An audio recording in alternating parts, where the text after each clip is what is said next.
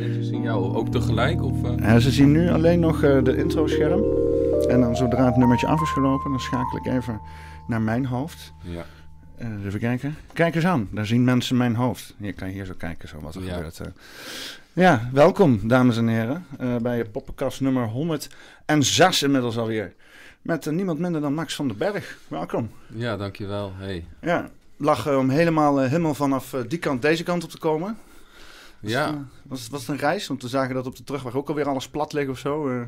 Ja, dat heb je veel tegenwoordig. Werk aan het spoor, uh, personeelstekort en uh, allerlei andere problemen. Ja, want ze zijn wel aan het, uh, aan het protesteren ook, hè? Die, die, die, die treinmensen en zo. regionaal heb ik ook gehoord, ja. Ja. Dus dat is natuurlijk logisch. Iedereen wil erop vooruit gaan en alles gaat erop achteruit. Dus ik snap hun ook wel, maar ik vind dat toch, uh, ja, wie, wie leidt er weer onder? Dat is, zijn weer gewoon de klanten die gewoon hun, uh, ook uh, ja, afhankelijk zijn natuurlijk van het reizen. Dus ik vind dat ze ook gewoon moeten protesteren voor de deur van de mensen die, die hun dat aandoen. Dus de regering bijvoorbeeld, of NS zelf, het hoofdkantoor. Ja, alleen stoppen met werk is lekker makkelijk natuurlijk. Hoor. ja, dat vind ik wel, ja. Ik stop met werk, ik ga op vakantie. ja. Ja, ja want jij bent ook wel uh, van het protesteren, zo, een beetje zo af en toe? Of, uh... nee, uh, wel heel vaak, ja. ik vond het wel mooi toen we, toen we, we hebben het afgesproken op het station en ja. zijn ook van val jij een beetje op, zeg maar. ik heb een bruine jas aan.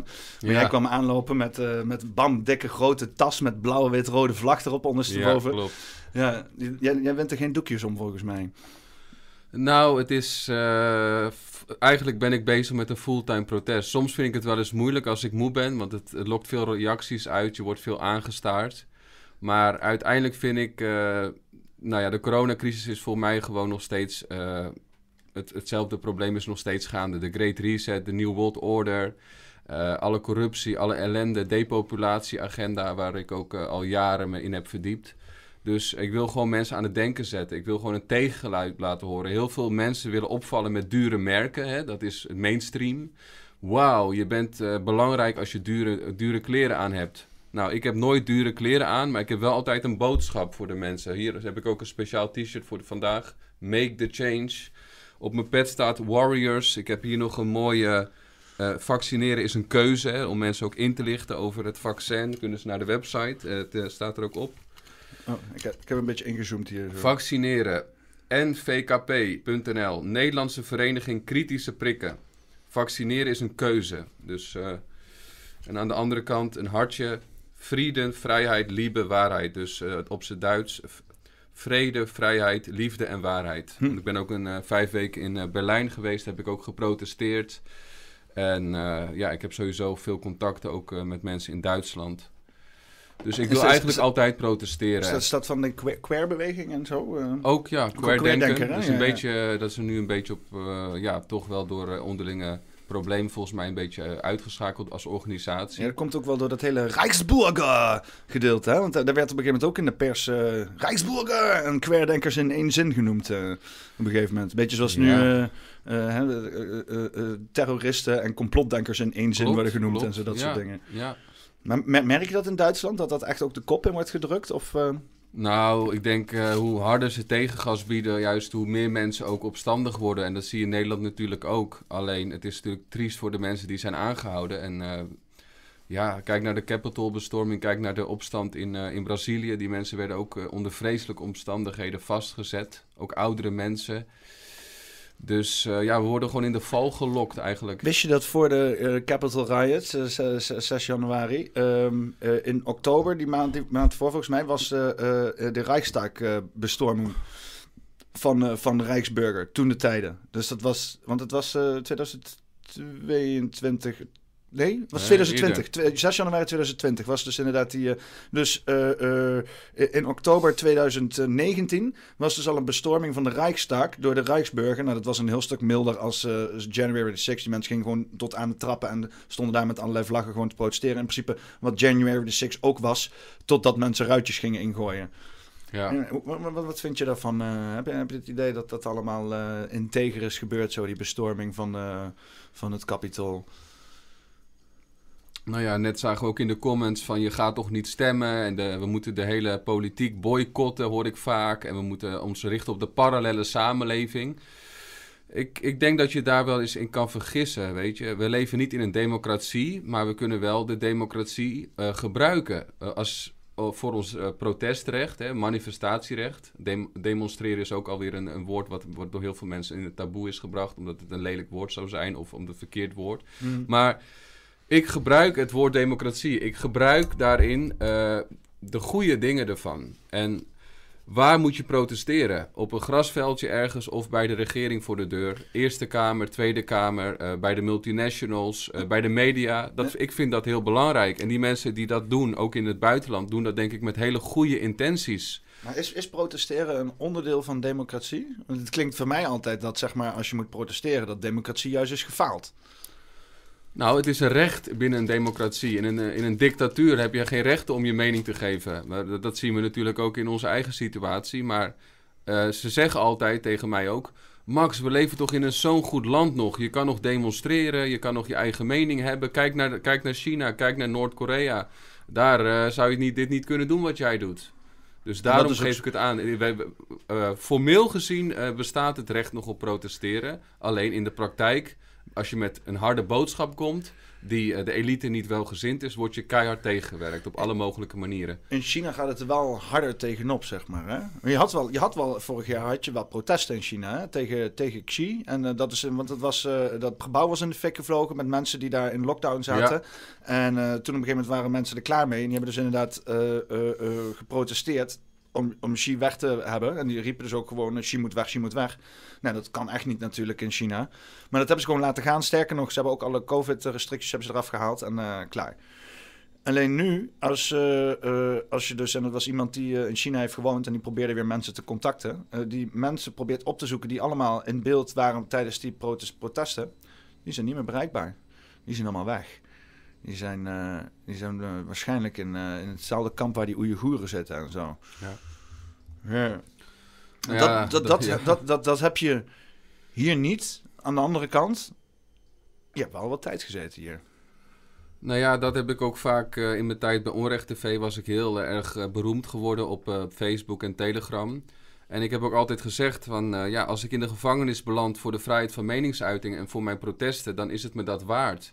En ik vergelijk me niet zozeer met, met protestacties in Nederland. Ik kijk ook naar het buitenland. En dan zie je inderdaad dat mensen met een, uh, die een tegengestelde richting op willen gaan. Als de dictator of als, als de onderdrukker. Dat ze dan ook in de gevangenis belanden of vermoord worden. En uh, dat, dat zie je ook gewoon uh, mensen die opgestaan zijn tegen 9-11. Of opgestaan zijn tegen het kinderhandel, mensenhandel of andere uh, enorme uh, schandalen, dat mhm. die ook in het Westen ook uh, verdwenen zijn, of in de psychiatrie gezet zijn, of in de gevangenis. Dus voor de mensen die iets dieper hebben gekeken in, in, in ons eigen land, die hebben ook al heel veel schokkende dingen gezien. Dus ik ben in daarin nog, nog mild gestraft als het gaat om vergelijking met anderen. Maar wat, waarvoor ik gestraft ben, dat was helemaal niet strafbaar. Want ik heb helemaal mevrouw Kaag nooit bedreigd. Ik heb wel een harde uitspraak gedaan over uh, pedofielen. Dat is ook in de media een beetje verzwegen. Uh, dat pedofielen de doodstraf uh, zouden moeten krijgen als ze het ook echt praktiseren. En als ze er ook mee doorgaan. Dus het, moet, het moet stoppen. Het was een noodoproep. Stop hiermee. En dat was wel gerelateerd ook aan, aan Joris Demming.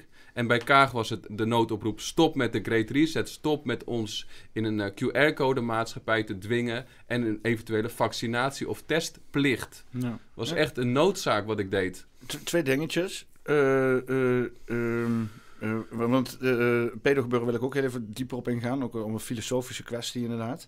Um, maar over de hele fakkelgebeuren. Um, ehm, het is best wel warm. Ik doe even... Ja, ja ik heb flink lopen stoken hier. Dus, ja. Ik kom hier ook nog met twee kledingstukken aan. Je rekeningen nog? nog wel, ja. ja. Je kunt het nog betalen, gelukkig. Ja, maar... Uh, ja. Uh, uh, neem eens mee naar die hele... Want die hele situatie is volgens mij gewoon zo opgeblazen naar iets wat, wat, wat, wat, wat, wat zo abstract is geworden... dat het volgens mij kant nog wal raakt met wat de realiteit is. Want ik, ik heb het idee dat, dat zoals ik het zie is, en daarna zou ik het graag van jou willen horen. Uh, uh, je had een fakkel bij je, zoals je vaker ook fakkeltochten doet. En er is een of andere ophitser jou heeft meegesleept naar uh, Kaaksenhuis om daar even flink wat uh, onrust te stampen en dat gefilmd. En dat dan ook nog eens een keer op op het internet hebben zitten verspreiden. heb ik dat zo goed geanalyseerd? Of, nee. Oh. dat is jammer dat je dit zo hebt ja, gehoord of bedacht. Uh, we waren echt vrijwillig gewoon daar naartoe gegaan. En er was één persoon, die wist niet eens dat we daar naartoe gingen. Die had een hele grote fakkel bij zich. Die of hij voor de elite werkt, ik denk het niet. Het kwam mij op, als een oprecht persoon over. En die persoon heeft ook nooit mij die fakkel in de handen gedrukt, wat ook wel eens wordt gezegd. Ik heb zelf de fakkel van hem overgenomen toen hij de fakkel uitmaakte, omdat de vuur op de stok kwam. Dat was een grote stok met een vuurbal. En hij, die vuurbal was enorm. En die heeft hij in een plas water, omdat het regende die dag, een beetje uitgemaakt. Mhm. En op een gegeven moment was hij bijna uit. Zeg ik, ja, dit is jammer. Je hebt zo'n mooie fakkel en dan ga je hem nu uitmaken. Dus toen heb ik hem overgenomen. Alles vrijwillig, alles in een goede uh, samenspraak. En toen ben ik naar de deur gelopen. Heb ik wat, uh, wat kreten geschreeuwd. NSB weg en mee. Uh, en ja, daar, uh, dat wordt dan ook als enige tekst aangehaald waar je kan zeggen dat er sprake is van een bedreiging. Of ze voelde zich bedreigd omdat ze een NSB'er wordt genoemd. Maar ik heb daar wel bewijzen voor. Als zij zich bedreigd voelt, dan associeert ze zichzelf als NSB'er.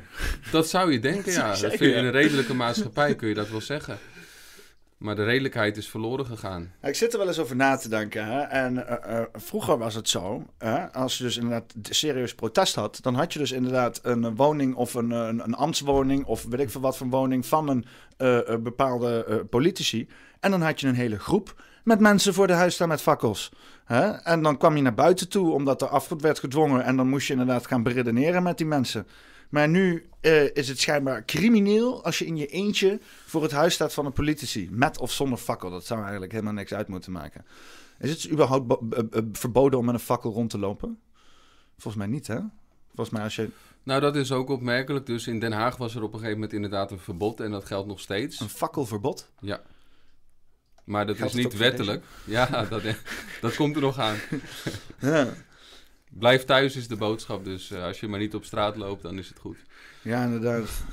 ja, ja. je ziet ook, de straten sterven uit. Uh, dat is het hele beleid. We moeten thuis leven. En alleen op straat komen voor noodzakelijke dingen. In de 15 minuten stad krijgen we. Ja, maar dat is toch binnen, binnen handbereik. Ja, want we, we moeten niet meer uh, zo uh, vrij kunnen of willen verplaatsen, zeg ja. maar. Hè? Ze willen inderdaad alles geconcentreerd houden in kleine plukjes. En ik bedoel, er is natuurlijk ook een gigantisch probleem met, uh, in, in, Nederland met verkeer wat, wat een hut neer gaat. Maar dat is dan allemaal gebaseerd op het feit dat iedereen 9 tot 5 leeft in kantoorbaantjes om de boel draaiende te houden. Omdat iedereen te veel geld moet betalen om een beetje te leven. Dus dan zou je zeggen van dat systeem moet je aanpakken. en mensen hoeven helemaal niet vijf dagen in de week te moeten werken uh, met ja. z'n tweeën om een gezinnetje omhoog te leven. Maar ja, dat hele, dat hele geld is naar de klote, hè? Ja. Want dat is ook een beetje waar, waar wij de hele tijd achter... Eh, weet je, we kunnen eindeloos veel discussies hebben over van alles. Over het onderwijs wat naar de klote is. Over uh, de democratie en de politiek dat naar de klote is. Uh, over alle dingen die... De sociale verzekerheden. Alles, het rechtssysteem. Maar uiteindelijk als je puntje bepaaltje komt... dan kom je toch altijd weer uit op van ja het geld is stuk. Hè? Mensen zitten de hele tijd te bezuinigen, daarom worden er inderdaad essentiële of belangrijke functies elke keer verheven. Uh, uh, mensen hebben elke keer excuses om allerlei belastinggeld naar zich toe te trekken. Uh, en uiteindelijk heb je dan wat minder, omdat het geld minder waard wordt. dus dus, dus het, het, lijkt ook een beetje een gebed zonder einde op een of andere manier. En nu gaan ze dus die CBDC doen. Dat is ook iets waar jij je tegenuit spreekt, hè? Ja, ik heb zelfs nog een flyer daarvan, of een bordje zelfs in mijn tas zitten, ja. Dus ik denk dat dit een ja, heel ernstig is wat, wat, wat, er gaat gebeuren. Dat de slavernij aan digitalisme uh, toeneemt, maar ook de, aan de slavernij aan de banken. En de angst zal ook enorm toenemen. En ook wat ze misschien zeggen, dus een bankencrisis waarin ineens je saldo in rook opgaat. Dat zou natuurlijk ook verschrikkelijk zijn voor mensen. Helemaal die ja, gespaard hebben. Maar ik zie ook heel veel mensen die halen nu alles van de bank af. En die hebben dus alles contant. Maar dat is ook kwetsbaar natuurlijk. Want ja, uh, ben je even op vakantie of ben je even een tijdje niet thuis? Er zijn genoeg rovers die, uh, die naar binnen komen. Dus ik vind dat ook beangstigend. Natuurlijk zijn mensen goed in het uh, verstoppen daarvan. En kluizen heb je natuurlijk die je ook vast kunt maken. Maar ja, er wordt heel veel angst gecreëerd op de financiële markt, vind ik. Ja, heel schokkend. En dan denk je dat dat gecreëerd is? Want het is natuurlijk na, na 2000 2008 is het allemaal gewoon niet meer beter geworden. Ik, ik weet niet of je quantitative easing kent. Dat is in principe gewoon technische term voor geld bijprinten. Mhm. En uh, dat gebeurt nu al sinds 2008. Ze zijn, zijn al twaalf jaar lang aan, als een idioot aan die, aan die geldprinter aan het uh, trekken. Ja. En, en ja, dat, ik bedoel, er is geen enkele voorbeeld in de geschiedenis van een samenleving die na het geldprinten daar weer bovenop is gekomen. Dus je zou zeggen, ja, ze gaan, dat is, dit is de hele opzet voor die CBDC. Um, ja, hoe, ook. Ja. Hoe, hoeveel slagingskans denk je dat we ontkomen aan die CBDC? Nou, mag ik nog één ding wat zeggen? Wat mij altijd gefascineerd heeft. Ik heb me altijd afgevraagd of, of Sowieso weet ik dat de elite gewoon hun eigen geldsysteem ook hebben. En hun eigen geld drukken voor hun eigen mensen. En dat ook gewoon onbeperkte saldo hebben. Ook in Zwitserland op de bank bijvoorbeeld. zijn ook geheime rekeningen. Hmm. Dus wanneer jij voor de elite werkt, krijg je sowieso een heel riant extra uh, uh, salaris. En natuurlijk allerlei luxe en bescherming en vakantieorde.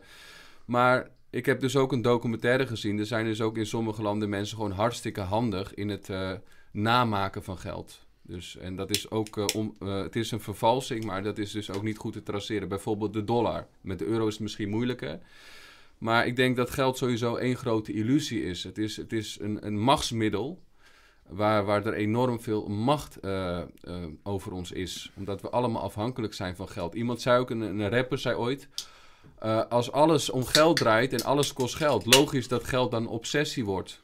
Ja. En uh, dat denk ik dat dat ook voor heel veel mensen een, uh, een obsessie gewoon is. Uh, um, dat is ook weer um, geld maakt. je hebt zo'n quote ook uit de Bijbel, of zo'n stuk uit de Bijbel, toch? Dat is, Geld en mammon. Je kan niet God dienen en mammon. Mammon staat meer voor rijkdom en welvaart en een geldsysteem. Dus je kan niet geld aanbidden. Wat veel christenen ook doen, is meer aan geld denken dan aan God. Uh, dat vind ik dus uh, ja, een, een heel duidelijk in de Bijbel dat dat op heel veel teksten gaan erover. Dat geld nooit een focus mag zijn van een christen.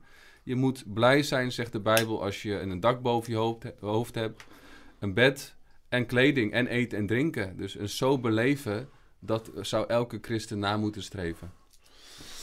Het is ook uh, um, een sober leven leiden. Is volgens mij ook als je dat kan, volgens mij sta je dan ook veel meer in je macht. Als jij uh, weet dat jij met niks uh, gewoon prima best kan bestaan, dan word je ook niet zo afhankelijk en gek gemaakt als mensen jou dreigen je dingen te ontnemen. Ja, dat is het ook. Hoe meer geld je hebt, dat geeft ook stress. En je, als je heel veel uh, bezitting hebt, moet je ook alles weer verzekeren. Je moet er altijd maar weer onderhoud. Dus het, ja, mensen hebben het ook soms heel moeilijk met, met ook mensen lopen er ook in vast, dus dat ze voor het geld gaan en dan inderdaad gaan overwerken. Uh, dus ja, het is ook een ziekte, denk ik, geldzucht. Het is, het is ook een ziekte die gepromoot wordt door de media, ook door rappers vooral. Heel vaak, ook als ik rapmuziek luister, word ik ook heel droevig gewoon. Denk ik denk van, ja, wat promoten deze mensen? Ja. Het is zo'n oppervlakkig leven. Het gaat zo over uh, dingen die geen waarde hebben vanuit het godsperspectief, vanuit het menselijk perspectief.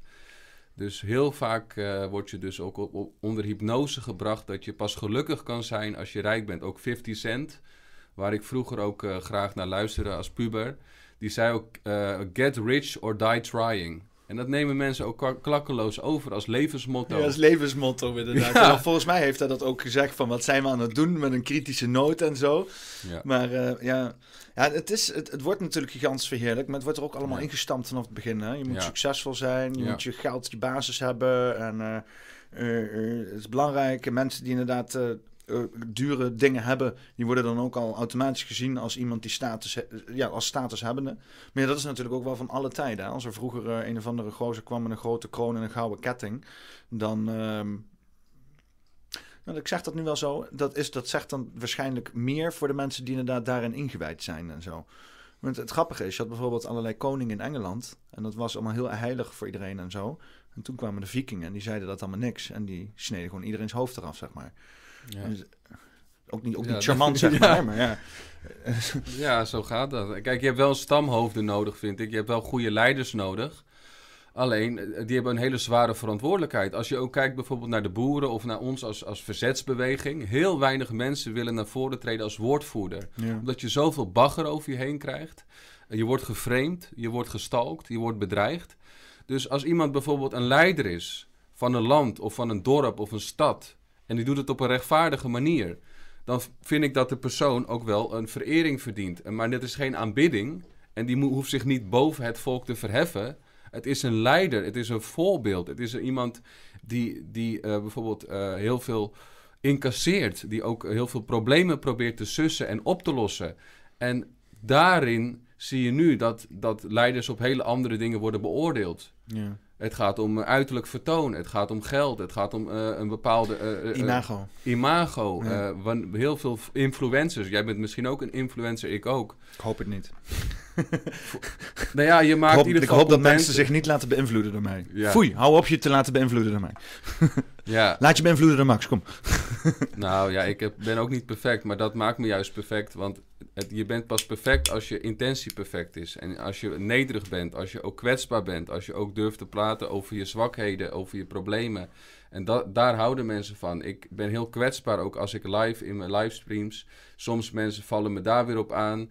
Oh, Max is uit balans. Max is overspannen, oververmoeid. Ja, maar dat is logisch. Kijk wat er allemaal om je heen gebeurt. Als je, dat is, het zou pas erg zijn als je het allemaal van je af kan schudden. En als je het gewoon je helemaal voor kan afsluiten. Ik strijd tegen de duivel. Hè. Dan kan je nog zeggen, is de duivel een fictief persoon of is het een systeem? Daar heb ik ook veel discussies over. Maar we hebben te maken met mensen die wegkijken, die dus gewoon egoïstisch zijn in mijn ogen. Die, die leven voor het eigen belang. Heel veel jongeren die je spreekt zeggen ook: Ik weet precies wat je zegt, ik snap jou. Goed dat je er tegen in opstand gaat. Maar ja, ik wil gelukkig zijn, ik wil een goed leven hebben. Je kan het toch niet veranderen.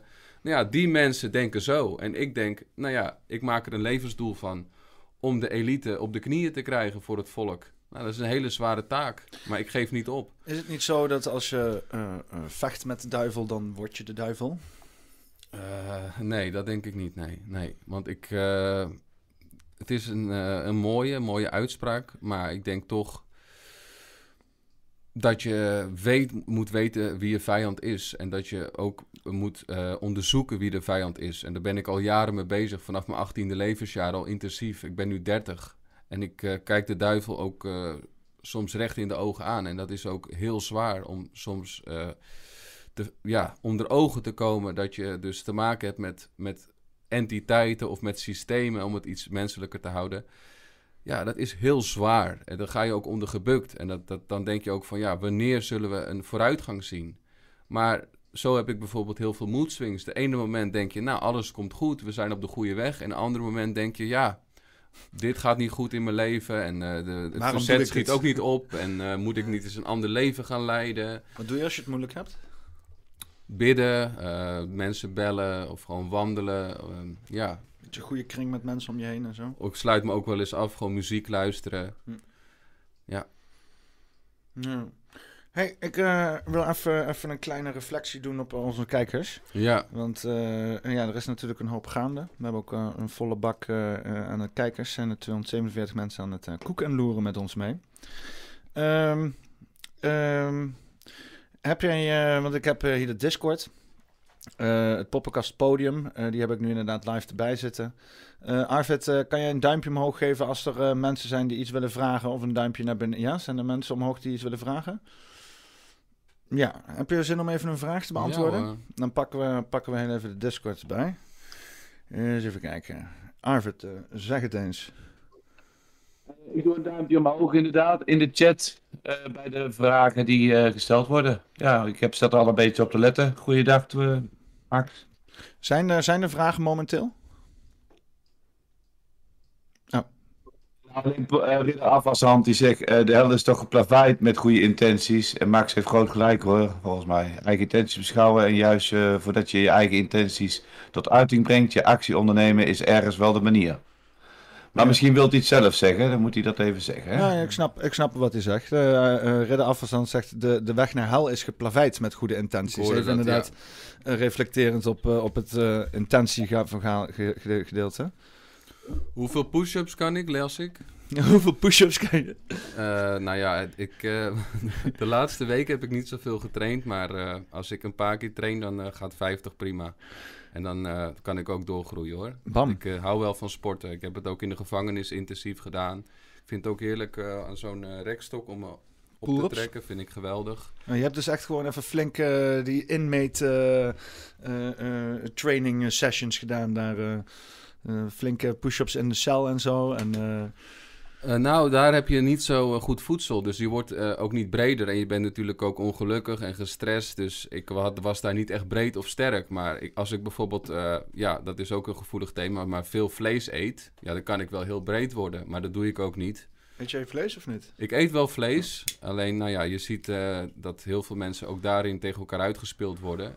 Ook binnen onze eigen kringen. Sommige mensen zijn over, overtuigd eh, vegetariër. Sommigen zijn zelfs veganist. Ik heb het ook een tijdje geprobeerd. Maar toen werd ik ook super mager. Omdat ik gewoon weinig sliep en eh, veel stress had. Dus je, je kan dat wel doen, maar dan moet je wel een stabiel leven hebben. Ja, veel mensen aan de, aan de vegetarische kant die vinden dat als bijvoorbeeld mensen eh, strijden om de levens van andere mensen goed te maken, maar dan alsnog vlees eten, heel, Ja. heel hypocriet zijn. Ja, klopt. Dat hoor ik vaker. Ja. Wat, wat vind je daarvan? Nou ja, ik wil wel inderdaad eh, soms ook eh, heel veel ver met hun meegaan. Dat het natuurlijk eh, je af moet vragen hoe, hoe wordt vlees geproduceerd, hoe wordt melk geproduceerd. Dat gaat soms wel in de, inderdaad op een manier dat het gewoon wel is, mishandelend is. Bijvoorbeeld hoe kalveren ook vroeg worden weggehaald bij de moeder is ook gewoon helemaal niet correct. Maar ja, de overheid en de multinationals hebben ook de boeren eigenlijk op een asociale weg geleid. Hè? Dus om, eh, het ging allemaal natuurlijk ook eh, met machts- en beïnvloeding vanuit hun. En hun zijn helemaal niet diervriendelijk, de overheid of de multinationals. Die denken aan geld, die denken alleen aan hun eigen belang. Nou ja, kippen vind ik, vrije uitloopkippen vind ik ook gewoon heel belangrijk. Ook vrije uitloopkip. Eieren, biologisch. Ik ben 100% voor biologisch. Alleen ja, je moet wel het geld ervoor hebben. En dat hebben veel mensen niet. En ik, vind zeg maar ook, eh, ik vind het ook weer een stukje selectieve outrage, zeg maar, selectieve woede. Eh, omdat, want ik, ik kreeg dat verwijt dan hè, van, van, eh, van iemand, ik weet niet meer, ook een kijker van mij. Van ja, ja, ja, als je gewoon vlees eet, dan kan je ook net zo goed je hond opeten, je kat opeten. Hè, dus eh, gewoon de vraag van waar leg je die grens? Maar ehm, voor bijvoorbeeld bepaalde groenten, maar ook voor sojaproducten en dat soort zaken, eh, wordt er enorm veel grond naar de kloten geholpen. En de desbetreffende levende wezens daar weer in. Wormen, eh, eh, mollen, allerlei organismes die ja, het leven leggen. Ook voor allerlei pesticiden en zo. Of geo, of hoe dan nou, Monsanto-achtige zaken en zo. Ja, die ook gewoon, ja, die, die, die gaan dood omdat er dan groente ge- ge- ge- geplant moet worden. Hè? Inderdaad, dan maar niet alle slakken, alle, alle, alle, insecten die inderdaad moeten wijken voor al die planten. Ehm, Ja, dat is niet hun keuze natuurlijk. Hè? Dat zijn natuurlijk ook weer eh, de bedrijven die daarvoor kiezen. Dat zijn niet die mensen die, die jou daarop aanspreken. maar, maar, ja, nee, oké. nee, Ik maar, denk maar, dat hun daar ook niet achter staan dat het zo gaat natuurlijk. nee, maar ja, het- ja, nee, oké. ja, ja. Want er is gewoon genoeg ruimte om goed eten te produceren. Maar alles gaat gewoon eh, op een hele rare manier. Overal wordt enorm veel onnodige schade aangericht aan de natuur. Ja, maar het grootste probleem met vlees in mijn optiek en volgens mij met veel vegetariërs is ook ook die bio-industrie. Want als, je, als jij inderdaad gewoon, want ik bedoel, eh, als ik nu een varkentje hier loslaat, dan eh, ja, wordt hij ook gepakt door eh, een, een, wolf of zo misschien. Misschien doodgetrapt door een paard. Er zijn allerlei natuurlijke factoren waarin beesten zichzelf kunnen verstrengelen, waarin ook gewoon ja, leven niet echt een optie is. Alleen nu door dat dan zeg maar in eigen handen te nemen, hè, dus wel een beetje god spelen zeg maar voor die dieren. Maar ja, dan kan je in ieder geval hè, een goede intentie hebben. eh, Een begin en een eind aan, aan, aan het dier maken eh, op jouw manier. En dan utiliseren voor alle zaken om hem te eten. Ehm, ik, ik, ik, ik, ik snap nooit van. Ik snap inderdaad. Dat zou, dat zou voor mij. Dat vind ik een heel mooi gegeven. Hè? Als je dat inderdaad gewoon ook heel klein kan houden. Waar het inderdaad fout gaat, is die hele bio-industrie. Waarbij het gewoon allemaal aan de lopende band gaat. Bijna Ja. een soort van eh, dieren-Auschwitz. eh, wat we hier gewoon heel Ja. casual overal hebben staan. Ja, En eh, ja, dat, dat vind ik ook. Maar ik eet dat vlees ook, zeg maar. Maar ja, ook met hetzelfde idee van... Ja, ik, ik, ik, ik kies hier ook niet voor. Alleen ik heb letterlijk het, het, het alternatief niet voor de hand. ja. Ja, ja moreel hoog... eh, moreel eh, de moral high ground eh, claimen, zeg maar. Dat is wel heel erg veel een, een ding als je eenmaal aan het strijden bent, hoor. En met mensen die... die inderdaad ergens voor gaan en op een gegeven moment voor zichzelf duidelijk hebben: oké, dit is inderdaad wat ik heel erg moreel vind. Dan op een gegeven moment gaat er toch iets lopen waarbij dat dan verwacht wordt van een ander of zo op een of andere manier. Hè? Dat zie je zowel aan alle kanten. Dat zie je nu ook met die hele woke gebeuren. Hè? Iedereen moet woke zijn aan de linkerkant en iedereen moet wakker zijn aan de rechterkant, bij wijze van Ja, spreken. ja. En Je bent controlled opposition als je niet in de flat earth uh, 100% gelooft. ja. dat soort dingen. Ja, ja, ja. Ja, dat is helemaal een mindfuck, ja. ja. Nee, het is uh, verdeel en heers, uh, divide and conquer. Ja, het is een, ook weer een, vaak een, een, een hol begrip geworden. Maar aan beide kanten worden we heel vaak in elkaar geslagen door, door anderen die on, ons dan weer denken de, ja, de les te moeten lezen. Bijvoorbeeld gisteren was ik bij de SP. Dan ben ik ook live op Facebook en dat gaat ook rond daarna op Telegram en YouTube. En dan krijg ik ook in de comments: Oh, die Max weet zeker niet dit of de SP. En Max weet, eh, gaat met de SP in zee. Terwijl ik heel duidelijk uitleg: ik sta niet achter de organisatie. Ik sta niet achter de lijsttrekker. Lilian Marijnes heet ze. Nee, ik sta daar voor de mensen van de SP. Wat mijn medemensen zijn en wat ook vaak gewoon hele goede mensen zijn met een goed hart. Die ook tegen armoede zijn, uh, die heel veel lijden, ook die, die een heel socialistische gedachtegoed hebben. Wat ik, ik zou liever zeggen sociaal gedachtegoed. Voor die mensen sta ik daar. Maar dan vinden mensen toch nodig om even de SP onderuit te halen. Of denk ik ja en dit en dat. Denk ik mensen, ik heb het zo, ik leg het toch uit. Ik sta er niet om de SP uh, groot te maken. Maar ik sta hier voor de goede punten van de SP. De Bijbel zegt ook: als je een rein hart hebt, is alles rein. Als je een onrein hart hebt, is alles onrein. Mensen willen heel graag voor God spelen, wat je net zei. Anderen vertellen wat ze wel en niet uh, verkeerd doen. Maar het is veel beter om een ander te vertellen wat hij goed doet. Een opbouwende maatschappij. Heel belangrijk om elkaar op te bouwen. Want we hebben het al moeilijk genoeg. Bemoediging.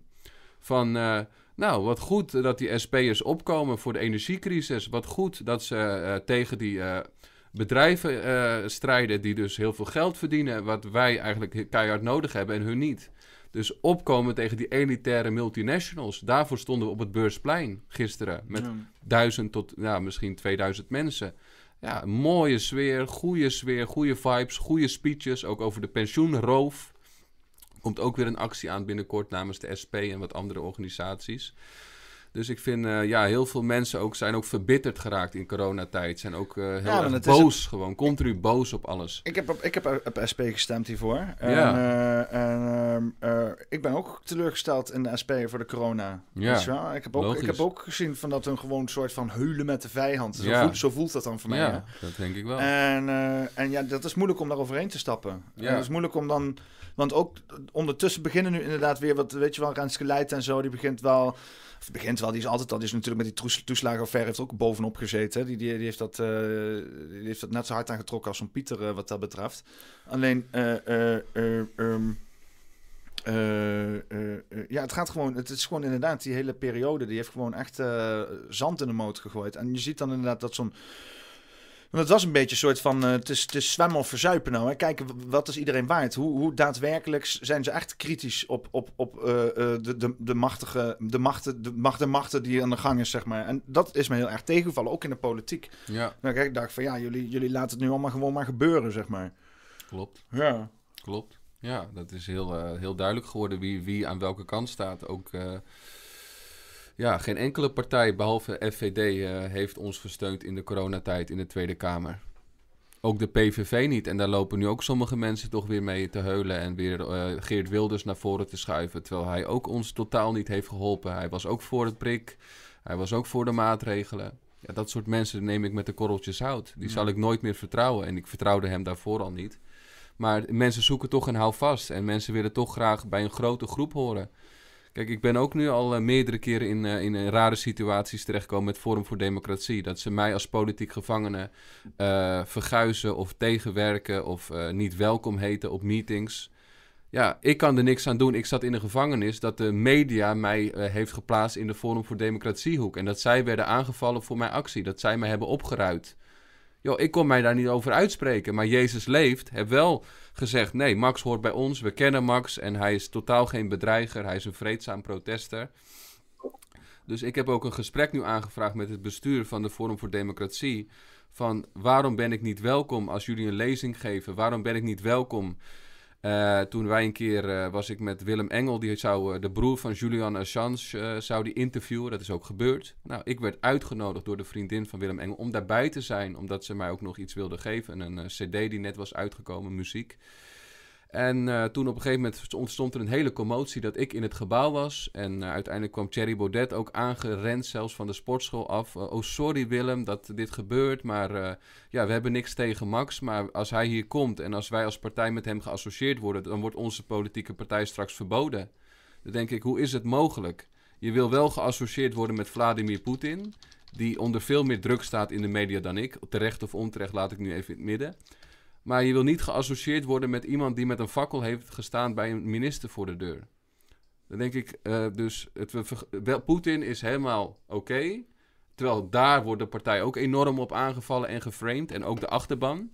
Maar ik, met een fakkel, die niet eens voor, lid bent van het Forum voor Democratie, dat, die dat ook nooit hebt gezegd, die wordt uitgesloten en weggezet. En dan klopt er iets niet. En dan ga ik toch ook denken, wie zit er daar in het bestuur? Zo'n Theo Hiddema, die kom ik nu de elke keer tegen in Amsterdam. Ik heb hem ook aangesproken. Theo Hiddema, weet je nog dat ik jou heb geconfronteerd... dat jij de zaak hebt uh, behartigd van Nelson Maatman... en die openlijk pedofilie wilde rechtvaardigen en uh, uh, ook legaliseren in Nederland? Nou, hij was diep beledigd dat ik hem toen filmde en de maat heb genomen. Laatst kom ik hem tegen, zeg ik... Theo Hiddema, weet u nog dat ik u vroeg waarom u Nelson Maatman hebt verdedigd? Kijk wat er nu in Mexico met hem is gebeurd. Hij is opgepakt voor kinderporno. Ja, erg hè? En toen liep hij weg. Ik wilde niet met jou over praten. Ja, die, die, die, hele Theo Hiddema is ook echt de reden waarom ik Forum van Democratie moeilijk vertrouw uh, op een of andere Hij heeft openlijk Gideon van Meijeren aangevallen. En Gideon van Meijeren is altijd netjes tegen mij, vriendelijk, uh, heel aardig. Een heel uh, positief persoon. Van alle 150 Kamerleden, moet ik eerlijk zijn, alleen Gideon van Meijeren steek ik mijn hand voor in het vuur. En dan ken ik er ook natuurlijk nog heel veel helemaal niet. Want ik, ik volg ook niet de politiek zo nauw. Hmm. Maar voor hem steek ik mijn hand in het vuur. En voor de rest, nee, sorry. Geen grote pet van op. Ja. En zelfs sommige, die zie ik echt als misdadigers natuurlijk. Wat ze allemaal doen. De politici. Ja. Ja, ja, ja absoluut. Ja. Ja, dit is, uh, het lijkt, het begint een beetje, dit kabinet begint bijna een beetje op een criminele organisatie te lijken. Als je ziet waar ze allemaal mee wegkomen, wat er uh, aan informatie verduisterd wordt, uh, hoe weinig zij voldoen aan hun plicht, hè, aan hun publieke plicht. Uh, sterker nog, eigenlijk uh, alleen nog maar uh, grote corporaties en NGO's voor, voor, voor vertegenwoordigen. In plaats ja. van de mensen in het volk, ook al zijn ze gekozen door een meerderheid. Ja, dat, is, dat, is, dat, is, dat begint al aardig. toch wel enigszins te smaken naar landverraad, zeg maar. alleen ze hebben het waarschijnlijk helemaal juridisch ingedekt, hè, dat je er niks over kan zeggen. Maar ik bedoel, in. in Hè? Esthetisch gezien. Het ziet, eruit, het ziet eruit als landverraad, laat ik het zo zeggen. Als je het allemaal in één zin noemt. Ja. Ik heb, uh, even kijken, ik heb heel even wat vragen gesteld. Uh, ja, ik, want ik, ik zag ze, ik had, vragen, ja, ik had ze eerst in de, in de live chat zitten, maar daar kom ik allemaal niet uit. Er kwam al iemand die zegt, nou godverdomme de vragen die we willen horen. dus, uh, je mijn... net, net stonden alle vragen hier. Ja, dat Was, ik, ik zag net ook al een vraag voorbij komen die hoe lang je moest zitten voor de, voor de ordeverstoring of iets dergelijks. Of, uh, of zo. Maar die zie ik ook niet. Oh, Elvin, dus die vind ik wel goed. Elvin Semma. Oké, okay, die? Is dat een bekende? Of is dat iemand die gewoon uh, loopt te trollen? Ik heb, uh, ik heb geen idee. Elvin Semma. Wie is Elvin Semma? Nou, ik zie een vraag. Besef je dat je eigenlijk precies doet wat ze willen? Dat je doet zodat ze ons kunnen wegzetten als idioten en gevaarlijke complotdenkers. Nou, kijk, dat vind ik een hele heftige, maar die krijg ik vaker te horen. Dat zijn dan niet van mensen die vaak protesteren. Want die weten ook dat ik Kijk, als je honderden protesten doet, achter elkaar, meerdere op een dag. En één zo'n protest wordt eruit gepikt. Kijk eens hoe extreem. Met een fakkel. En het was een grote vuurbal. En schreeuwen voor de deur. En aanbellen. Ik heb niet aangebeld.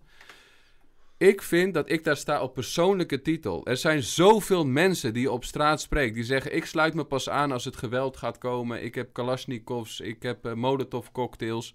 Dat is wat ik hoor, want ik spreek ook de onderwereld. Ik spreek alle soorten mensen. Wij zijn een wappiebeweging, een, een hippiebeweging, een gele pluutjesbeweging.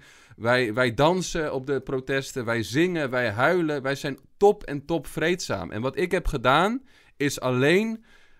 Ik wist dat ik een risico nam, want ik ben ook bij Hugo de Jong aan de deur geweest. En ik wist toen al, ze hebben mijn telefoon toen in beslag genomen. Ze hebben me toen ook bang proberen te maken. Ze hebben me twee keer daarvoor gearresteerd. Ze hebben me willen intimideren. Van Max, je, bent, je wist al waar je mee bezig was. We weten al waar, hoe je erover denkt. Maar nu ga je te ver. Want dit accepteren wij niet. Ik zeg, al ga ik te ver in jullie ogen, elite van Nederland. Ik ga er wel mee door. Want ik zal niet uh, doen juist wat ze willen. Wat ze willen is juist protesteren, En dat, dat hadden we toch ook de zes scenario's, of de, de zes op een rij. Dat was een beetje de eerste, eerste situatie, tweede, derde. Mhm. Daar stond ook bij dat er heel veel geprotesteerd zou worden, dat er burgerlijke ongehoorzaamheid, zou zijn- burgerlijke ongehoorzaamheid zou zijn. Maar ik ben gewoon aan de deur gekomen. Ik heb hun zwakke plek gezien, hun Achilleshiel. Van kijk eens, jullie zijn mensen net als wij. Jullie kunnen dan dus zeggen, ja, wij werken voor Nederland. Je werkt helemaal niet voor Nederland. Je werkt Nederland alleen maar tegen. Je vernietigt Nederland. En dan zeggen ze, ja, maar dit is de privésfeer. Je moet werk en privé gescheiden houden. Zij houden werk en privé niet gescheiden, want met de coronamaatregelen zijn ze in je huis gekomen. Je mocht nog maar zoveel gasten ontvangen. Je moet een mondkapje dragen. Je moet testen, wat allemaal schadelijk is voor je gezondheid. Je moet vaccineren, wat vreselijk is voor je gezondheid. Dan komt nog dat stukje bij van anderhalf meter. Eh, lockdown. En dat andere stukje wat ze ook thuis... Een avondklok. Je moet thuis... Dus dat hele werk en privé gescheiden houden. De politiek is juist heel diep in ons privé gekomen. Ja. Waardoor ook niemand meer om de politiek heen kon. Want de politiek is zich met elke seconde van je leven aan het bemoeien. En dat, dat is nog steeds gaande. Advies hoe je seks moest hebben. Oh, nou, die heb ik gemist. Maar, tijdens, eh, tijdens die periode gingen advies geven over hoe je best seks kon hebben met mondkapjes op en eh, met nou, afstand. ja, en... die heb ik iets... Ik dacht dat dat eigenlijk dat meer is eh, gebeurd. was bedoeld. Maar... Nee, ja, dat, dat was letterlijk echt overheidsadvies. Advies, van, ja. van, de, van meerdere overheden, maar ook in Nederland. Dat, ja, dat, zo ver ging het inderdaad. Zover vonden ze normaal dat ze inderdaad gewoon zich kunnen gaan bemoeien. Nou, het was natuurlijk advies, ja, dus... eh, maar ja, alles het- was het- een het- advies, het- maar het- je het voelde je wel getuigt- met alles gedwongen. maar het getuigt ook wel van de hongerigheid in de, in de bevolking naar eh, richtlijnen van de overheid. Als je snapt wat ik bedoel. Nou ja, als jij denkt dat je elk moment dood kan gaan... of dat je in een zwaar besmettelijk virus eh, in je omgeving rondgaat... Ik, ik, snap, ik heb ook nooit mensen gebashed die de overheid en media hebben geloofd. Want ik, als jij in die hypnose zit, als jij in die, in die, in die, in die, in die gedachtegang zit... Dat zij, niet, dat zij betrouwbaar zijn, dat zij jouw leven willen redden... Ja, dan zou ik misschien ook alle absurde maatregelen omarmen. Ja, ik, ik heb er ook altijd wel begrip voor gehad, omdat ik in het begin zelf ook een beetje soort van ingetuimeld was. Ik moest me er Ja, echt van losfrikken, zeg maar. Ja. Het begin was ik echt afwachtende, zo van oké, waar, waar gaat dit heen? Eh, Is dit echt? Is dit niet echt? Wat gebeurt hier? En, eh, maar ik heb altijd wel dat ik echt wel dacht van oeh, dit is wel hardnekkige propaganda dit allemaal. Eh, het kwam ook van alle kanten, dus ik, ik snap ook wel heel goed dat mensen erin tuimelen. Maar ik moet heel eerlijk zeggen, nu na drie jaar verder, als ik dan nog steeds mensen buiten zie lopen in hun angst, dan, dan heb ik wel zoiets van ja, daar, daar kan je dan volgens mij niks meer tegen zeggen. Wil je die daaruit krijgen, zeg maar. Sommige mensen die omarmen ook de angst alsof het hun hele identiteit is, Nou, zeg maar. dat denk ik niet. Ik, kijk, ik heb zelf ook eh, natuurlijk altijd in de zorg gewerkt. En dan kom je natuurlijk ook bij veel ouderen over de vloer. En dan zie je ook dat heel veel ouderen helemaal niet op een computer hebben of een smartphone of internet. Dus die zijn afhankelijk van radio, krant en televisie. Ja. Dus die zijn eigenlijk, om het nog scherper te zeggen, afhankelijk van ons dat wij een krantje in hun, in hun brievenbus gooien. Of dat wij aan de deurbel eh, even aanbellen van, of op straat protesteren, zichtbaar zijn. Want als er binnen hun eigen familie eh, geen kritisch geluid is. Dus heel veel ouderen, sorry dat ik het zeg, maar die, die kunnen daar niks aan doen. Die hebben helemaal geen, geen toegang tot kritische informatie. Ja. Jij en ik, wij hebben een computer, internet. Wij- Ik heb daar al jarenlang onderzoeken gedaan, dus ik was al goed voorbereid. Ik vind dat echt misdadig. De angst die gecreëerd is bij ouderen, ook de vaccinatieverplichting, de booster die er wordt ingedrukt, Ja. eh, dat ze geen bezoek mochten ontvangen, dat ze een hele rare eh bezoeksregeling hadden. Ik, het is zo misdadig wat, wat de ouder is aangedaan. Kijk, mensen die de kans hebben gehad om eh, eh, kritisch geluid eh, te horen. En die er dan zo fel tegen ons op ingaan dat wij echt worden, zo hard worden neergesabeld door hun. Ja, die mensen heb ik wel eens boosheid tegen. Maar niet tegen ouderen die in angst leven door, door wat, hun, dat, wat hun wordt opgedrongen, die angst. Ik heb, ken, ken, kan, je, kan je een beetje stevige taal hebben? Ja hoor. Eh, ik, heb een, ik heb een kijker voor mij. Dat wil ik even eh, eh, aanhaken op, op het angstgedeelte. Ik heb namelijk een kijker voor mij, die heeft een, een, een liedje voor mij gemaakt. Van een, een, een kleine rent die ik heb gehad. Eh, ik, doe woensdags doe ik altijd eh Paffie met poppenkast noem ik dat. Dat is zeg maar een soort van spoof op eh Bakkie met Bergsma. En Mhm. ehm, eh, die, ja, die heeft dus inderdaad bepaalde stukken van die rent gepakt. En die heeft hij eruit gehaald. Ik moet even kijken of ik hem kan vinden überhaupt. Maar hij staat natuurlijk ook niet in het podium. hè. Hij staat in generaal, staat hij. Ehm, Eh, en daar heeft hij weliswaar een hardcore nummer van gemaakt. Ik weet niet hoe je staat tegenover hardcore, maar... nou, laat maar horen, ik ben benieuwd. maar uh, hier uit ik zeg maar mijn... Uh, is een beetje een kleine samenvatting van hoe ik denk over een beetje ons bejaarden in ons land. Oké. En, um, en um, hoe ik volgens mij een beetje heb gekraakt waarom de VVD de hele tijd aan de macht komt. Namelijk door mensen het bejaardenhuis in te sturen, zeg maar. Uh, een klein stukje. Uh, de koptelefoon, je, moet, je, hoeft hem niet oh, heel, ja. hoeft hem niet heel hard op te zetten, want het gaat er nogal op. Oké. Okay. Uh, het is trouwens met complimenten aan Exil. Kutbejaarden hier in het Nederland. Kutbejaarden, godverdomme. Kutbejaarden hier in het Nederland. Onwetendheid van deze mensen. Kutbejaarden hier in het Nederland. Red jezelf uit deze situatie. Kutbejaarden hier in het Iets een scam is, dan is dat het wel. Kutbejaarden hier in het Nederland. Kutbejaarden, godverdomme. Kutbejaarden hier in het Nederland. Onwetendheid van deze mensen. Kutbejaarden hier in het Nederland. Red jezelf uit deze situatie. Kutbejaarden hier in het Nederland. Stelletje, kutbejaarden hier in het Nederland. Rond alsjeblieft op. Stelletje, kutbejaarden hier in het Nederland. Groep van bejaarden. Stelletje, kutbejaarden hier in het Nederland. Rond alsjeblieft op. Stelletje, kutbejaarden hier in. Bejaarden, stelletje, hier in op. Stelletje. Hij heeft geen, geen diepgang of zo hoor. Stelletje, kutbejaarden hier in het Nederland. Rond alsjeblieft op. Stelletje, kutbejaarden hier We zijn gekaapt door bejaarden. Meer betalen, meer betalen, meer betalen, meer, meer, meer betalen, meer betalen, meer betalen. Kutbejaarden, meer betalen, meer betalen, meer betalen, meer, meer, meer betalen, meer betalen. Kutbejaarden, meer betalen, meer betalen, meer betalen, meer, meer, meer betalen, meer betalen, meer betalen. Kutbejaarden, meer betalen, meer betalen, meer betalen, meer, meer. Je bek nou dit de wereld waar jullie je kleinkinderen hebben gegeven? Jullie zitten stuk voor stuk op het land kapot te maken. Stel ik op, kutbejaarden in de grond lopen. Als jullie nog een keer één keer op de VVD staan, dan was het niet de eerste, niet de laatste keer. Maar dit is het einde van ons fucking land. En dan hebben jullie eigenhandig zo gecreëerd. Kutbejaarden. Een wetenheid in deze man. Godverdomme, stelletje. Kutbejaarden. Kut, kut, kut. Oké. Okay. nou, ja, zo. ik zeg, moet ik dit laten luisteren aan Max? Maar uh, wat het dus is, is een uh, beklag op uh, bejaarden. ja, die, zo, die, die, die okay. constant op de VVD blijven stemmen. Dat is de, de essentie ervan. Ja, maar ja, wat ik zeg, wat is hun informatietoestroom?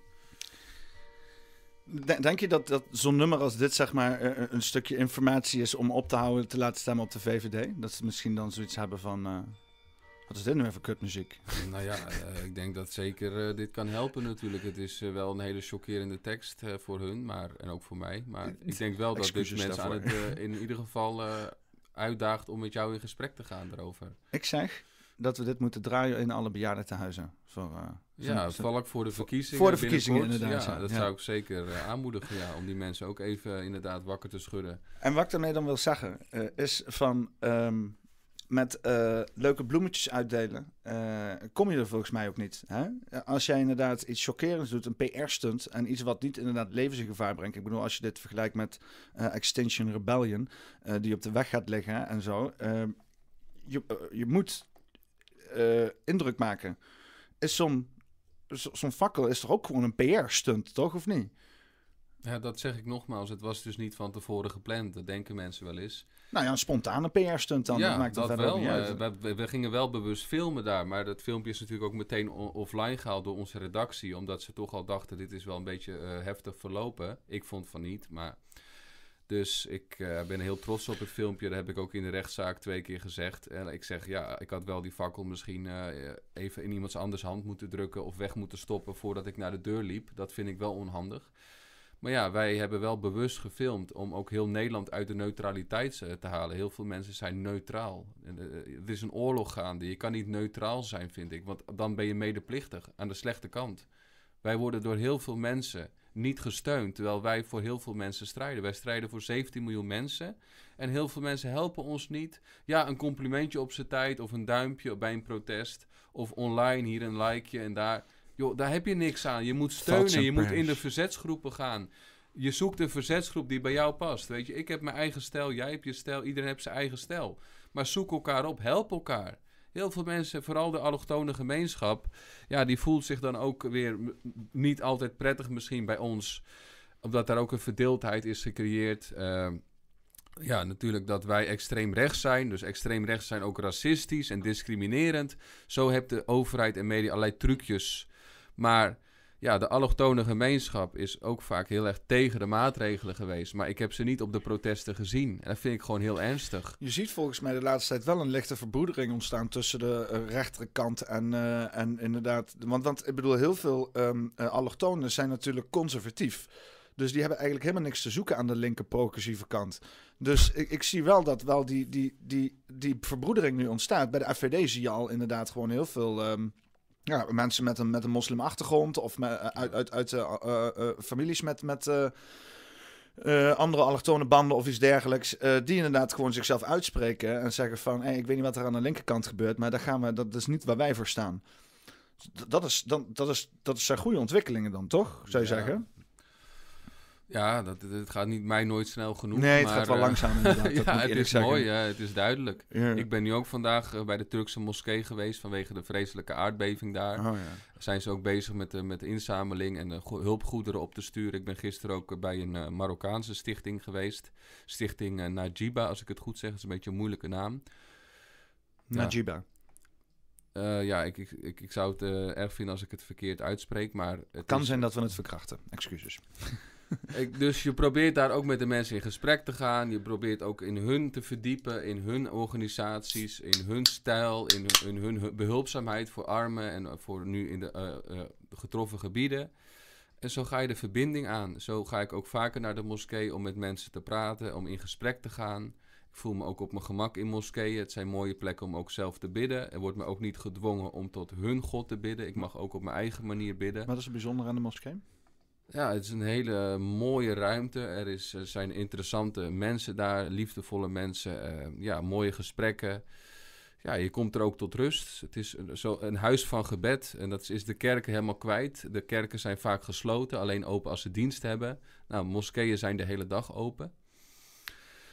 Dus uh, ja, als je religieus bent, dan uh, ja, zou ik zeker aanmoedigen om ook uh, naar de moskee te gaan. Om ook die mensen liefde te geven, waardering, in gesprek te gaan, verbroedering, verbinding. Dat lijkt me echt heel hard nodig. In de, want we moeten samen Nederland redden. Poetin gaat ons land niet redden. Donald Trump gaat ons land niet redden. We moeten het zelf doen. En ik, stel, ik, ik schakel mezelf elke dag in, en vele anderen ook, om hiermee bezig te zijn. Maar we moeten wel uit onze eigen bubbel treden. Want onze eigen bubbel is wel groot. Maar er zijn te weinig activisten in de bubbel. Die echt de straat op gaan of die echt een land spreken. Dus moet je je bubbel vergroten. Uit je comfortzone gaan. Zoals jij me hier ook vertelt dat je een multiculturele samenleving hier is. 52 verschillende talen worden hier gesproken in de flat. Kijk, je moet ook uh, de, de, de allochtone gemeenschap uh, moet je respecteren. Want heel veel mensen zijn ook hier naartoe gehaald als gastarbeiders. Of hebben, komen gewoon uit landen die een hele diepe verbondenheid hebben met ons land. Dus je kan allochtonen niks kwalijk nemen als ze hier wonen. Je kan wel spreken over gelukzoekers. Dat vind ik ook al. Iedereen zoekt geluk. Elk mens, ook Nederlanders. Dus het is ook alweer een hele foute term. Maar je kan wel spreken over omvolking. En ook over een asielzoekerscrisis. Dat, dat eh, zie ik ook elke dag om me heen. Super racistisch is dat, hè, omvolking. Ja, dat, dat, dat, daar gaan mensen helemaal, uh, helemaal worden ze onpasselijk van als je dat zegt. Vooral die inderdaad die linkse mensen die, die dan altijd zeggen... ja, we helpen mensen. Denk ik, ja, je helpt mensen helemaal niet. Want zowel Nederland gaat erop achteruit als die mensen zelf. Want hier zijn geen plekken voor hun. We, zijn, we komen 40.000 plekken nu tekort. De opvang is echt verschrikkelijk voor die mensen. Ze krijgen ook nog vaak onderling ruzie, problemen, criminaliteit, mensenhandel, kinderen die ontvoerd worden uit AZC's. Mensen spreken de taal niet, mensen worden niet geholpen met inburgering, mensen worden niet geholpen aan een baan, aan een, ja, een huis. zelfs nog, hè? Die hele inburgering is een hele business. Is Nou, dat, vertel eh. het ze maar, de kijkers, want dit is een- gewoon een groot, groot schandaal. Ja, maar dat is, er worden bijvoorbeeld eh, eh, eh, cursussen gegeven voor Nederlands. En dat zijn dan echt rukcursussen. Gewoon eh, een paar blaadjes met domme vragen erop die nergens op slaan. Het liefst om mensen zo, zoveel mogelijk te laten falen. Zodat ze zo vaak mogelijk die cursus moeten afnemen. En dat wordt dus inderdaad dan... Subsidies kunnen er elke Ja. keer opnieuw voor worden aangevraagd. Dus die eh, vluchtelingen denken van, nou, moet maar. En eh, ja, die, hebben geen geld. Dus die, die, worden gewoon, die worden helemaal lijp van het proces natuurlijk. Maar ja, die blijven maar opnieuw aanvragen. Want die willen die inburgering hebben. En die bedrijven die die cursussen geven, vertalingen van allerlei andere cursussen... eh, eh, die blijven maar de hele tijd cashen. Hè? Die hebben geen incentive natuurlijk om die mensen te laten slagen. Dus die lopen eigenlijk ons belastinggeld helemaal leeg te melken. eh, en ondertussen alle vluchtelingen nul inburgering te geven. Die worden alleen maar gefrustreerd en extremistischer bij elke eh, inburgeringscursus die ze moeten doen. Dat, is er al, dat is al tien jaar gaande of zo. En dat is alleen nog maar erger geworden, eh, volgens mij. eh. Ja. Ik heb ook een vriendin van mij die inderdaad werkt eh, met vluchtelingen. En die werkt in de medische, medische kant daarvan. En eh, die, die zegt ook hoe slecht dat geregeld is Ja. met, die, met, die, met die AZC's. En het is echt maar een soort van iedereen een stuk, eh, stuk gebied met een oud gebouw erop. Zoek het allemaal maar uit. Eh, nul voorzieningen. Eh, te weinig personeel. Hè. Zij staat er dan een eentje op eh, 400 man. Die allemaal eh, na- nauwelijks eh, de, de taal spreken. En eh, soms af en toe ook agressief zijn en zo. En eh, ja, dan zie je haar, die inderdaad in alle goede intenties daar komt en echt wil helpen, gewoon verbitterd worden.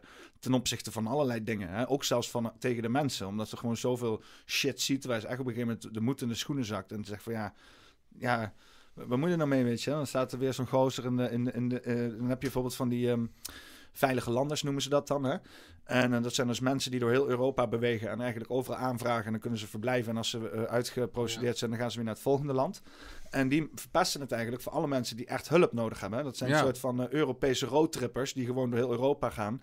En ja, die, die verneuken het hele vluchtelingenproces. Maar ja, dat, dat komt omdat er ook, ja, het is, het is nou nauwelijks te filteren op een of andere manier. hè. Je, je kan niet meten of iemand vanuit een ellendige situatie komt of niet. Nee, ze liegen er ook natuurlijk over. Ja, of ze zeggen niks, eh, weet je wel. Dan zit alleen maar een beetje eh, PTSD te doen en zo. En ja, wat moet je er dan mee? Ja, dan, dan zet je maar ergens neer. Eh, hier, doe maar iets ermee, psycholoog. En dan onderbetaalde psycholoog met te weinig tijd. weet je, ja, dat is, eh, het is die, die hele inburgering is ook een grap. En we willen het heel graag in de politiek, maar ondertussen wordt het nul gefaciliteerd. Het is precies inderdaad die evenwicht van de D60. Hè? Met alle ambities van de D66, maar met alle middelen van de VVD, wat dus niks is. En het, is, het werkt gewoon niet. Ja. Ja. Ik wou even nog één dingetje. Wat als eh, jij zo ontvangt wordt, werd door Kaag, zoals Boris eh, de protesters eh, toen eh, de tijd ontving? Will you have a cup of tea? Will you apologise for your Would you like a cup of tea? Yeah, You sure. go on, have a cup of tea. Thank you, thank you. Do you do you regret? I- do you, do would you you like a regret? cup of Do you regret your comments? do you regret your You comments? don't, sir? go on, have a cup of tea. Thank you very much. There you go. There you go. Do you regret your comments, sir? I want you. I want you to have a cup of tea. If I have a cup of tea, will, will you will you answer my question? No, I'm, I, that's, I'm here solely on a humanitarian mission because you've been here all day and you've been incredibly patient and incredibly, and I feel very sorry for you because I have nothing to say about this matter except offer you some tea. Okay. Okay, go on. okay. Thank Some tea. Boris is Was, natuurlijk eh, de grootste clown van, eh, van de wereld. Maar Kijk, ze truitje ook, exchanging. eh, wat zie je daarin? Nou ja, Exchanging tea. With, eh, ja. zou die dat echt... Zou die LNP zo ver gaan? ja. Je weet me nooit. Ja. Ja, maar wat had je, wat had je gedaan als, als, als, als eh, Kaag naar buiten had ge- ge- gekomen en zegt van... Wat, wat sta je nou allemaal moeilijk te doen? Nou ja, zoals zij ook meerdere keren vraagt, kunnen, ik wil gewoon met je praten, ik hoef die thee niet. Dus eh, het, is, het is ook meer voor de show, denk ik, want de BBC stendt het uit, dus er is een cameraploeg aanwezig. Kijk, ik vind, dit is ook een, eh, een houding die ik prima had gevonden. Ja. Tuurlijk, eh, wat dat betreft, eh, beter dan wat er nu gebeurd is. Maar als ze naar buiten was gekomen en zegt... Luister, doe even die fakkel weg, doe even normaal. En dan is het goed, dan ga ik wel even wat vragen beantwoorden. Je dan, je dan eh, had je gezegd van... Ja, tuurlijk, tuurlijk. eh, Ja, zeker. Dat, dat, dat was wel de bedoeling. Ja. Ik kom niet voor een escalatie, maar ik kom wel Nee. voor harde woorden te spreken. Ik heb ook door de brievenbus gezegd: stop Klaus Schwab. Dit- wij willen in dit land niks met Klaus Schwab te maken hebben. Stop de massamoord. Stop. Ja, eh, da- daar komt natuurlijk niet over alsof je eh, toenadering zoekt. Nou ja, maar toen had ze al twee keer werd er gezegd dat de politie erbij moest komen. en dat ik haar Oh, bedreigde. ja. En ik toen, zeg: ik heb je helemaal niet bedreigd. gevaren, zeg maar. eh. Ja. Ja. dat was gewoon een bood. Je bent een boodschapper. Je, je, je spreekt een boodschap uit namens het volk. En dan kan ze wel zeggen: ja, dan moet je me een e-mail sturen. Ik heb haar ook een e-mail Ja, gestuurd daarvoor. Dat zeggen ze allemaal, maar dat, dat, dat werkt natuurlijk voor geen meter. Ze eh. komen ook niet naar buiten als wij daar staan te protesteren om met ons te praten. Ze nemen je niet serieus. Ze werken alles tegen dat wij daar een groot protest kunnen houden bij de Tweede Kamer of in de omgeving of bij het Binnenhof eh, of waar dan ook. Toen, toen de tijd in het begin van de coronacrisis zaten ze natuurlijk nog daar in het centrum. Nu zitten ze dan vlakbij Den Haag Centraal, de Bezuidenhoutse weg. Ja, wat kan ik zeggen? Dus eh, die mensen die doen alsof ze democratisch zijn, die doen alsof ze in gesprek gaan met het volk, maar kritische mensen worden gecensureerd. Ja. Ik, ik heb ook geen bewijs gezien eh, de afgelopen tijd eh, dat zij in gesprek gaan met het volk. Er wordt van het volk heel veel gezegd, heel veel gevraagd. Eh, er is heel veel nodig, maar er wordt nul gehoor nergens aan gegeven. Er zijn geen woningen, eh, alles is te duur. eh, onze vrijheden worden alleen maar ingeperkt. Niemand mag meer wat zeggen. en iedereen is er helemaal klaar mee. Mensen blijven maar doorgaan, dus ja. Hoe, wij nog een vraagje? Wij nog een vraagje beantwoorden? Er zijn een hoop vragen hoor. We zijn, je hebt er net pas één beantwoord. Ik wou ze wel eigenlijk allemaal even doen. Eh, even van boven naar beneden. Jeroen Koster, want die zit ook al een tijdje te wachten. Eh, Ax, Ax Max. Ik denk Ask Max. Hoe eh, lang moet je zitten voor de ordeverstoring? Nou ja, ik ben veroordeeld tot zes maanden gevangenisstraf. Ja, morgen is de uitspraak van mijn hoger beroep. Dat is ook spannend. Eis is aangepast. Eerst was de eis negen maanden en nul voor, voorwaardelijk. En nu is eis zes maanden en zes maanden voorwaardelijk voor als ik iets soortgelijks doe wat te maken heeft met bedreiging. Nou, dat is natuurlijk een heel ruim begrip geworden, bedreiging. Want al heel snel wordt er gesproken, jij bedreigt mij of je bedreigt niet. Terwijl als mensen zoals Thierry Baudet, Johan Derksen zei hij moet geliquideerd worden. Johan Derksen heeft ook in de uitzending gezegd, Max van Jezus leeft, die moeten ze kruisigen. Dat is ook een, een bedreiging of een aanmoediging tot geweld tegen mij. Ja, die heftige taal komt van twee kanten de hele tijd. Hè? Ja. Eh, ja, eh, ik, eh, veel, Geert Wilders wordt continu bedreigd. Thierry Baudet ook. meerdere mensen die dus zich uitspreken, laat maar zeggen, ja, kritisch over de regering, kritisch over de, de elite. Dus ja, dat is spannend. En ik heb ook nog een zorgmachtiging lopen. Dus ik ben nu ook bij de GGZ ingeschreven. Ik moet gesprekken doen. Ik moet mezelf daar, ja, als het ware, presenteren als een normaal persoon. Terwijl mijn leven natuurlijk niet echt normaal is. Maar tot nu toe, de twee gesprekken zijn goed gegaan. Een soort van intake. Als ik dus meewerk, dan eh, kan het ook zonder dwang. En anders met dwang. Maar ja, ik vind het natuurlijk een heel duidelijk bewijs dat ze mij onder een bepaalde macht willen hebben. Want eerst hebben ze een heel lange schorsing. Hè, hebben ze heel lang uitgesteld. Mijn hoge beroep zou eerst zijn eh, in juli, daarna in september en uiteindelijk werd het eh, dus januari. Dus steeds uitgesteld, omdat als je onder een schorsing eh, bent, dan heb je allerlei voorwaarden. En dan hebben ze controle over jou. En dus nu loopt mijn zaak ten einde. Blijkbaar kom ik er goed dan vanaf, hoef ik niet terug naar de gevangenis. Ik heb dus eerst vijf maanden gezeten, daarna nog drie weken, omdat ik me niet aan mijn schorsingsvoorwaarden hield. Eh, ik had een enkelband om, ik eh, had huisarrest, ik mocht maar bepaalde uurtjes per dag naar buiten, wat heel frustrerend was. Hoe zit dat dan? Dat je dan krijg je dan tijden of zo? Ja. En dan mag je even naar de supermarkt of zo. Nou, je mag even naar buiten, ja, twee uurtjes of drie Oh, uurtjes. super, oh ja. Wel, wel supermarkt of niet? eh? Dat mocht ja, wel, ja, ja. oké. Oh, twee uur, drie uur, dus even een Heel dagdeel kort, gewoon. ja. eh, Gekke, gekke Gevangen in je eigen huis, eh, dat is echt niks hoor. Dat, dat, dat was ik echt niet gelukkig mee. Het stomme is eh, dat eh, ik dat al doe met mezelf, gewoon zonder enkelbandje. Ja, maar wanneer je dat enkelbandje zal hebben, zal je ineens heel Ja, veel dan moet je denken, dan moet je denken, ja, de manier, ik zou me wel frustreren dat het op bepaalde momenten en tijden moet. Dat is natuurlijk eh, echt een heftige En ik leef buiten al, al jaren, dus eh, ik ben niet gewend om thuis te zijn. Ja. Het is ook niet mijn eigen huis, weet je. Dus Was het in de zomer? eh, ja, ik kwam in juni vrij. Oh, dat is wel kut. Dat is wel kut inderdaad. Hele zomer gemist. Maar dat is wel chill dat je dat in ieder geval hebt gedaan. Dan eh, kunnen ze dan, is dat in ieder geval achter je, toch? Dan, eh, Ja, ik ben benieuwd. Morgen ho- horen we meer. ja. Ah, Ja. ja. is, gewoon vrijspraak, jongen. Gewoon alles. ja, ik Gewoon eis vrijspraak Ja, en een schadevergoeding. Amnesty gewoon naar, Ja. naar Max. Ik heb ook eh, asiel aangevraagd bij eh, enige ambassades. Ik heb, ben bij AZC gekomen. Kan ik geholpen worden? Ik ben politiek gevangen in Nederland. Jullie helpen toch politiek gevangenen? Welke landen bevangen politieke gevangenen van Nederland op? Nou, geen één nog. Nee, ik maar ik heb ook niet echt druk erop gezet, want uiteindelijk is het met de sisser afgelopen. Oh, ja, ja. Nou, toen ik hoorde dat ik eh, misschien in de forensische psychiatrie zou moeten belanden of in de psychiatrie, eh, ja, toen werd ik wel heel woedend en ook een beetje overspannen. En ook natuurlijk in het begin ben je ook bang dat je misschien nog een hogere eis krijgt en ook een hogere straf. Dus dat ik nog drie maanden terug moet naar de gevangenis. Kan ook nog steeds. Ja, want als je inderdaad eh, eh, eh, in die hele GGD-shizzle en, en dat soort meuk komt, zo, dan, dan, dan, dan gaan ze je gewoon drogeren en herprogrammeren, toch? Dat is uiteindelijk waar het op neerkomt dan, toch? In het ergste geval wel, ja. Ja, maar het grappige is, je hebt dus zeg maar die eh, eh, Jordan B. Peterson, dat is een, een hooggerenommeerd psycholoog uit Canada. En die heeft bepaalde analyses en uitspraken gemaakt. Heel, een, man van, van, van 50, eh, 58, heeft al een heel leven van carrière achter de rug. Die heeft eh, honderd of dan misschien duizenden mensen heeft geanalyseerd en, en werkervaring daarin. En hij heeft bepaalde uitspraken gedaan over inderdaad bepaalde woke-bewegingen, maar ook inderdaad het totalitarisme rondom de afgelopen drie jaar. En eh, die wordt dus nu inderdaad aangesproken en ook naar een heropvoedingskamp gestuurd, soort van, door eh, sociologen. Hè? Dus dat is zeg maar één tier eronder. Dus inderdaad de mensen die, die, die net niet genoeg gestudeerd hebben om te weten wat hij weet, die gaan over hem bepalen dat hij een heropvoeding moet hebben over de uitspraken die hij doet, waar hij inderdaad al die tijd voor gewerkt heeft en gestudeerd is. Dit is gewoon, eh, ja, dit, dit, dit is gewoon, ja, het is gewoon herprogrammering. Er zitten gewoon mensen die hebben verkeerde gedachten, een gedachtenpolitie, en, eh, en, en die moeten andere gedachten hebben. Ga, ga, je, eh, ga je die, ga, je gaat toch niet eh, de, de, geher, ge, ge- geherprogrammeerd worden, toch?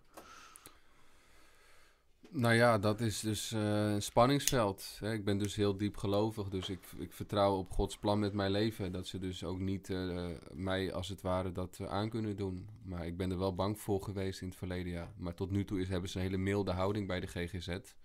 En heel vriendschappelijk, vriendelijk. Dus op dit moment ben ik daar nu niet bang voor op de korte termijn. Ja.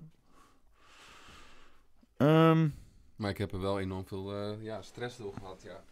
Ja, ik kan me ook echt voorstellen dat, eh, dat je niet zit te wachten inderdaad morgen eh, op zo'n uitspraak die, eh, die dan inderdaad inderdaad een of andere halve heropvoeding... ik vind het altijd al extreem als je voor het verkeer een of andere gedragstraining Ja. moet doen. Hè? Ik denk van ja... En het slaat ook altijd nergens op. Dat is wel dan, dat is misschien nog wel je enigste hoop dat het hele proces helemaal nergens op slaat. Maar dan zal je zien als je een persoon van interesse bent, dat er in één keer heel veel middelen ter beschikking zijn om, om dat uit te voeren. ja. Eh, detective zegt: Hoi Max, hoe is het?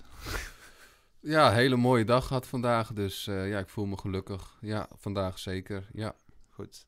mooi, goede, goede stemming vandaag. Een goede energie morgen en straks. eh. ja, dat is goed. belangrijk. Ja. Kak in je reet, fantastische namen altijd weer. Wat denkt Max wat er met de kinderen is gebeurd van de toeslagenaffaire? Verdwenen kinderen. Nou ja, het ik ben wel. 1150 of zo, toch? Nou, het worden er steeds meer. Er steeds Eh, bijna meer, ja. 3000 gaat nu het Jesus ongeveer Christ. rond. Ja. Eh, ik vind het een heel eh, moeilijk om er uitspraken over te doen. Maar ik, het zou mij niet verbazen als sommige kinderen een nieuwe identiteit, ide- identiteit hebben gekregen, een nieuw paspoort. Het zou me ook niet verbazen als kinderen ja, in, in het buitenland zijn beland. Of in, in verkeerde netwerken, pedo-netwerken of rituele netwerken. Ik denk dat daar ook een beetje de vraag over gaat. eh, met die gedachte erachter. Er zijn natuurlijk heel veel, eh, ja, laat het maar geruchten noemen. Hè? Eh, dat is eh, ja, Nederland toch wel een, een soort van eh, hotspot is voor eh, bepaalde eh, cultachtige activiteiten.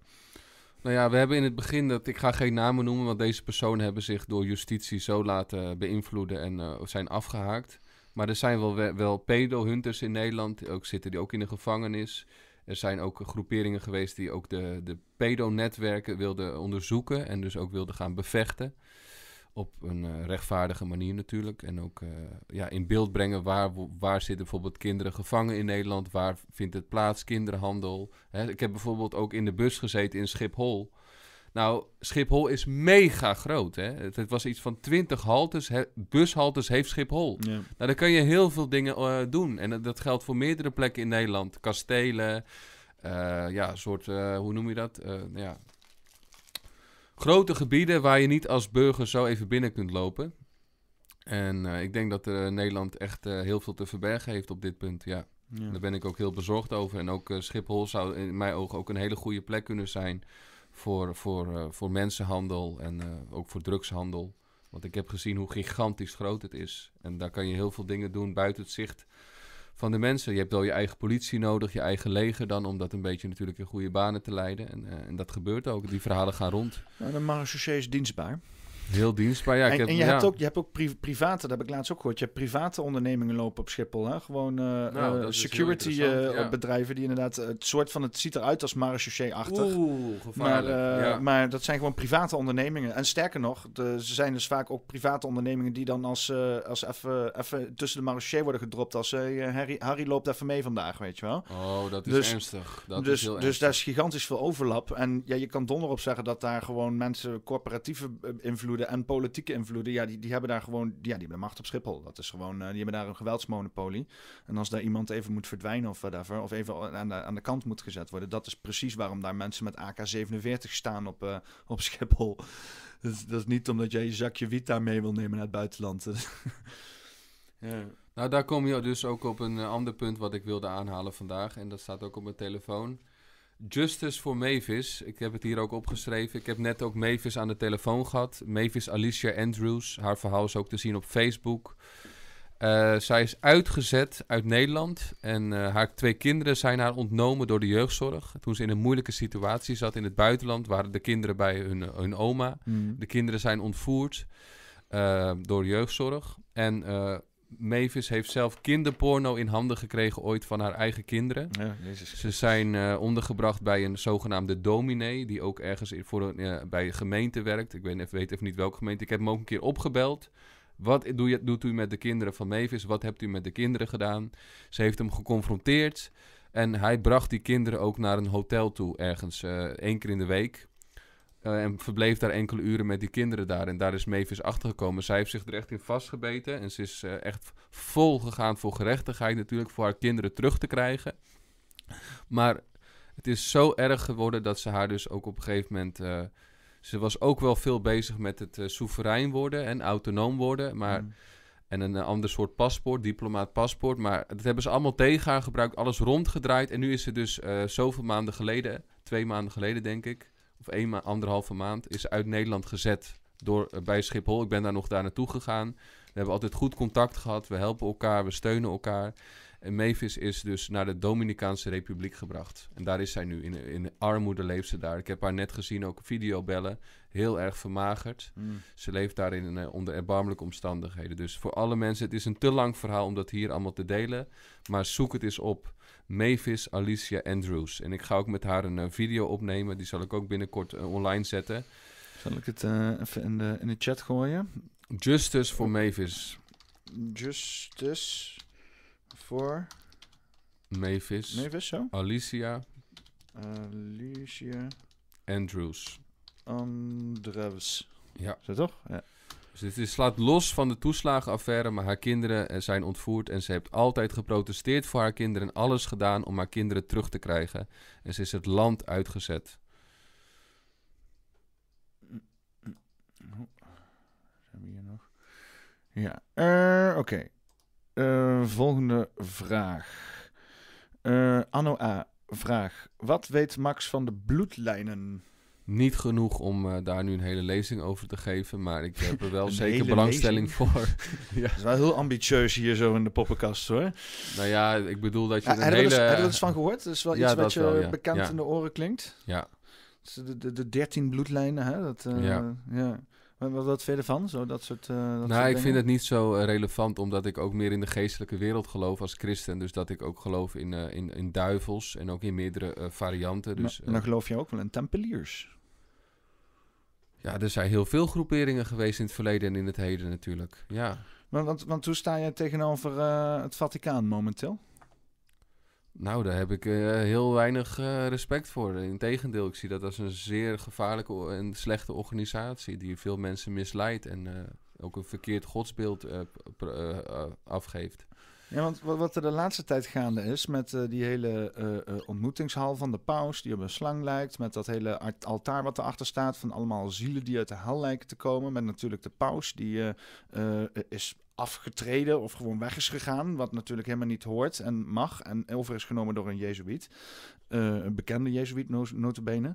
En eh, dat is dus nu de grote paus, die dus eh, ja, allerlei dingen goedkeurt, zoals inderdaad eh, de prik de afgelopen drie jaar nu inderdaad ook wil goedkeuren dat ehm, eh, transseksuelen en een homohuwelijk in de Bijbel, in, in, in de christendom moet geïntegreerd worden. Ja, kijk, ik, ik, ben er allemaal niet super op tegen, maar ik heb wel zoiets van, ja, volgens mij hoort dat niet in het christendom thuis. En niet dat ik iets ook met christendom heb eigenlijk, maar ik, ik snap wel dat heel veel christenen daar zoiets zouden hebben van, hé, hey, wacht eens even, dat is volgens mij niet wat we hier aan het doen zijn, toch? Eh, heel conservatief juist, heel traditioneel. Eh, en dan deze paus die gaat alles heel progressief lostrekken. Die gaat dus nu de kerk ja, eh woke maken, zeg maar. Wat, wat- heb jij enig idee wat daar gaande is? Of...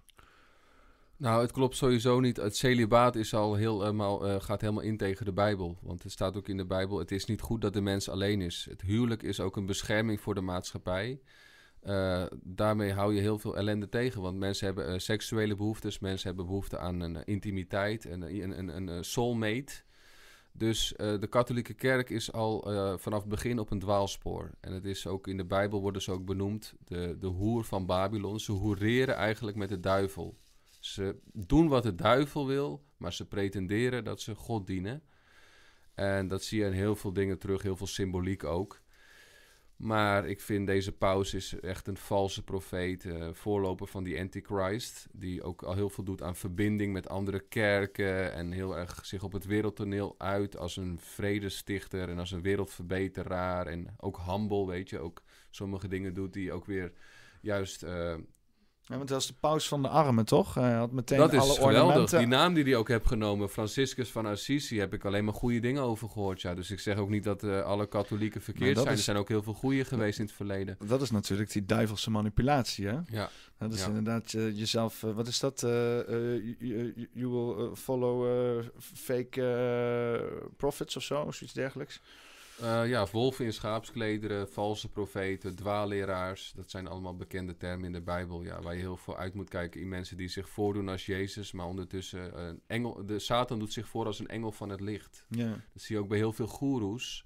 Die pretenderen de mooiste dingen en healings en eh, ze, ze helpen mensen en ze zijn zo spiritueel. En dan later hoor je dat ze allemaal vrouwen hebben misbruikt eh, die bij hun kwamen met, voor hulp. Of nog erger kindermisbruik. Dus eh, dat is gewoon schandalig. Er zijn heel veel groeperingen die eigenlijk aan de buitenkant heel mooi zijn. Maar als je dan binnen de groepering zelf komt, dan eh, kom je heel veel ellende tegen. En dat geldt ook voor kerken, hè? dus dat zie je overal.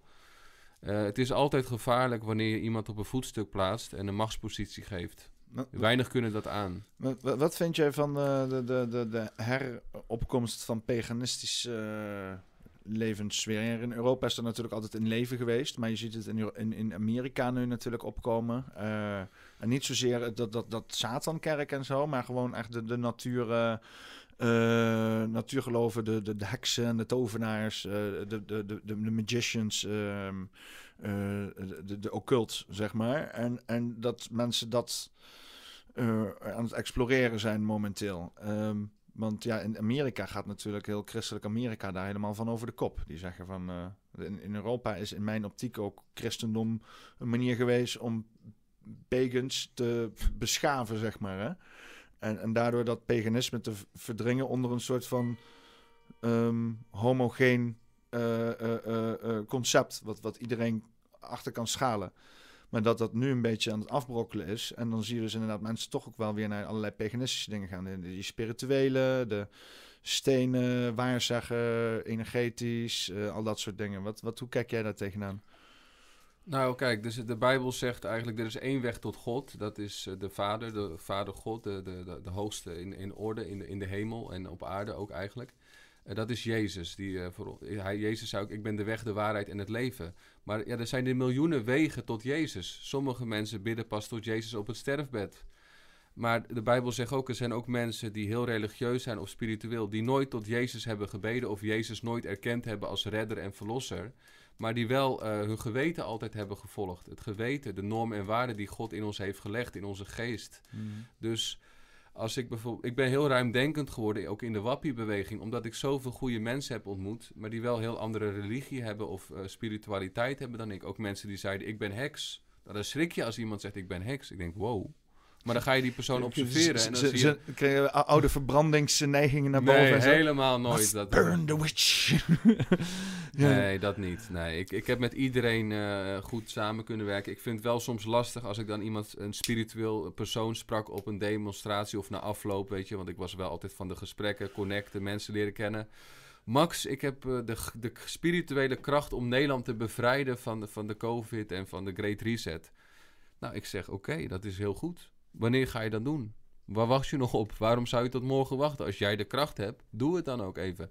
Of dat iemand naar mij toe komt. Max, ik kan je op afstand een healing sessie geven. Nou, sowieso, als je dat kan, dan hoef je dat mij niet te vertellen, vind ik. maar daarna hoor je dat die persoon zelf ziek is. Ja. Denk ik, begin eerst bij jezelf. Dus Ik vind bepaalde spirituele bewegingen heel mooi. En ook spirituele oefeningen, meditatie en zo. Maar ik vind sommige dingen schieten ook in door. Dat mensen zichzelf als een, als een godheid gaan zien. En ook allerlei dingen toe gaan, eh, eh, gaan eigenen. Dat zij goddelijke eh, dingen kunnen doen. En dan denk ik, als je het kan, is dat heel bijzonder. Maar ik vind het ook wel soms gevaarlijk. Ja. ja. Maar Ja, ik ben maar- heel maar- eh, ruimdenkend en heel erg open voor, voor alles. Maar ik geloof wel zelf eh, dat de Bijbel ook eh, wel een, een, een hele duidelijke boodschap is voor de hele mensheid. Ja, de Bijbel is een beetje een soort van een veilige weg van, Voor van, mij wel, ja. van, van, van verlossing, toch? ja. zeker. ja. Ja. Nou, volgende vraag. Wat heeft Max met de blokker? Ik heb geen idee. Swerm J vraagt dat. De haan staat erachter. De Haan ook nog, ja. Zegt het jou wat, die vraag? Oké. Swerm J, we hebben geen idee waar je het over hebt. Je had je niet over zo'n eh, ja, iemand die de haan heet in, in onze be- verzetsbeweging? Is dat, ik heb wel iemand die daar gehoord die zo heet, maar ik kom er even niet op wie Ja. dat is. Ja, Chris Volgers is dat inderdaad, ja. Die heeft eh, zich volgens De mij blokker. al, ja, ik weet niet, ik weet niet waarom Ja. daar de blokker bij staat. Dat Ja. snap ik niet helemaal. Nee, dat Nee. dacht ik ja, al. volgens mij was hij ook in de chat aanwezig. Ik weet niet of die, eh, of die kijkt. Ik ken hem verder niet, kijken. dus ik heb hem ook niet gesproken. Dus, eh, Ja, kan zijn dat hij misschien dat je op zijn show bent geweest. Hij heeft zo'n show gehad op Facebook. En dan ging hij in Nee. hoog tempo ging hij, eh, allerlei mensen bij elkaar gooien in de chat. eh, Nee, heb ik nooit aan meegedaan. nee. niet. Ehm, even kijken, ik kom niet zo snel in de deelnemersstuk. Nou ja, fijn. Ja. Eh, ja, ze, eh, Ik, ze- ik spreek ook liever niet over mensen die ik niet ken of geobserveerd heb, dus Ja. eh, ik kan er niks over zeggen. Ja. Ja, ja, het is, een gozer die best wel hard gaat qua YouTube-page en Facebook. En zich hard aan het uitspreken tegen allerlei dingen. Ja, En soms gaat hij een beetje fair naar, naar mijn smaak. Maar ja, ieder zijn ding, zeg maar. Dus, ja. Maar nog nooit uitgenodigd. Hij, hij, hij zegt altijd wel dat hij heel veel mensen vraagt en zo en uitnodigt. En, ja. hm. Ehm, eens even kijken. Elf, oh, nee, hebben we net gehad. Frits Duisters die zegt... Wat is volgens Max oppositie? Tegenwerking. Dus je werkt tegen de plannen waar ze mee bezig zijn, hun agenda. ehm, dat kan op allerlei mogelijke manieren. Je kan ook in oppositie zijn, bijvoorbeeld tegen de multinationals, tegen het WEF, WHO. Maar voornamelijk wat wij vaak doen is de Tweede Kamer, de regering, het RIVM, de media. Wij komen daartegen in, eh, in verzet, want wij accepteren niet eh, wat zij van, met ons van plan zijn. Wij accepteren ook niet als christenen en als, eh, als privépersoon wat mijn ouders bijvoorbeeld wordt aangedaan, of mijn familie, of vrienden, of kennissen, of naasten en alle Nederlanders. Dus een oppositie, eh, daar heb je heel veel gradaties in. We hebben het marketingverzet, wat heel erg gericht gaat op eigen belang. We hebben het, het slappe verzet, we hebben het spirituele verzet, we hebben allerlei vormen van verzet. Maar oppositiepartijen, wat de media hun oppositiepartijen noemt, dat, dat neem ik met een korreltje zout. Ik zie daar geen oppositie in. Want dan zou je ook moeten staken. Kijk, eh, die hele eh, regering liep weg toen Thierry Baudet begon over dat, eh, dat Kaag een opleiding had gedaan als spion. Hè, ze liepen weg. Maar dan vind ik ook dat heel veel oppositiepartijen ook soms zouden moeten staken. En gewoon naar buiten moeten gaan en ook moeten, moeten zeggen, genoeg is genoeg. Maar we hebben helemaal geen oppositiepartijen die dat doen. Waarom? Omdat het geen oppositie is. Het werkt allemaal met elkaar samen. Het wordt allemaal, soms wordt bewust en soms onbewust. Maar ook geld maakt blind, macht corrompeert. De oppositie doet gewoon mee aan het beleid. En ze discussiëren in de Tweede Kamer en Eerste Kamer over kleine thema's. Maar de echte grote be- belangen, de grote thema's van het volk, worden niet, niet benoemd. Ja. En dat is al, voor corona was dat ook al zo. Ja.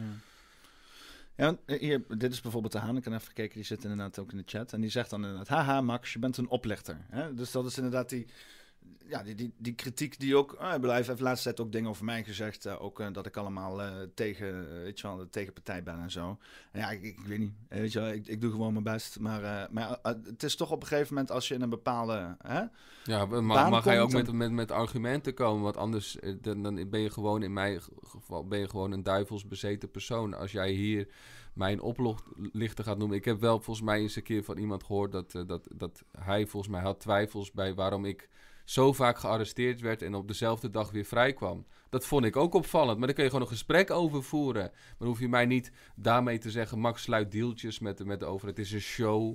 Nee, J- uiteindelijk ook- ben ik zes maanden wel vastgezet... Na, na een hele opstapeling van arrestaties en kort vastzitten. En jij vond het ook opvallend dat de dag erna buiten stond. Nee, een paar uur later stond ik al Oh. buiten. Maar ik werd ook opgepakt voor hele kleine eh, vergrijpen... waar je normaal een boete voor krijgt. Maar Ja. ze ar- arresteerden mij vaak... omdat ik dan ook niet meer verder kon met het protest. Of Ja. omdat ik dan ook uit de groep werd gehaald. Ze willen gewoon mensen van, tegenwerken. ja. Het protest stilleggen, want ik liep ook vaak vooraan. Ik had vaak ook een bepaalde leidinggevende functie op een gegeven moment. Ja. Maar zulke mensen neem ik niet eens serieus. Als je zo gaat schelden en mij gaat beledigen, ja, dat, dat eh, veeg ik van me af. En eh, zulke mensen heb je niks aan. Ja. Dan moet je gewoon mij persoonlijk benaderen en eh, noemen wat ik verkeerd doe. Ja, want ik, ik, ik heb ook wel eens, eh, ik heb ook wel eens even een beetje gekeken zo. En eh, dat ik dan, want ik, ik, zit ook op het internet en als je het door het schermpje heen beleeft, dan is het allemaal eh, heel Ja, abstract. hè. Het ook, is heel ja. abstract.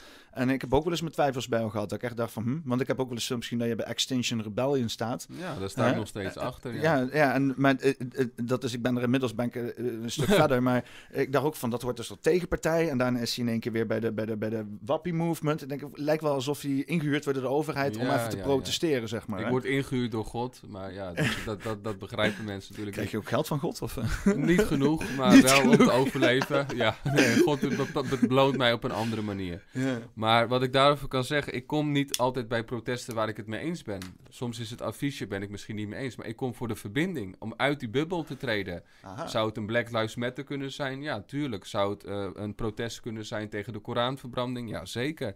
Ik kom ook bij de Pride-beweging. Ik wil die mensen ook observeren.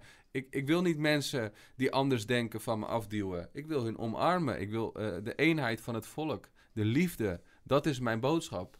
Eh, liefde overwint alles. Dus ik wil ook buiten mijn comfortzone. Ik ben ook bij de woningopstand. Nou, dat gaat me ook persoonlijk natuurlijk aan.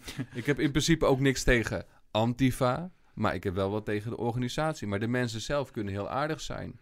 En ik probeer ook gewoon buiten die bubbel te gaan. En da- daarom ben ik bij heel veel soorten protesten geweest. Dat heeft ook vaak spanning gegeven. Dat soms protesten door elkaar heen gingen. En dat mede-protesters van mijn kant ruzie kregen met de andere kant. Dan zeg ik, waar zijn jullie mee bezig? Ga nou niet letten op de verschillen. Let op wat we overeenkomen. Ja.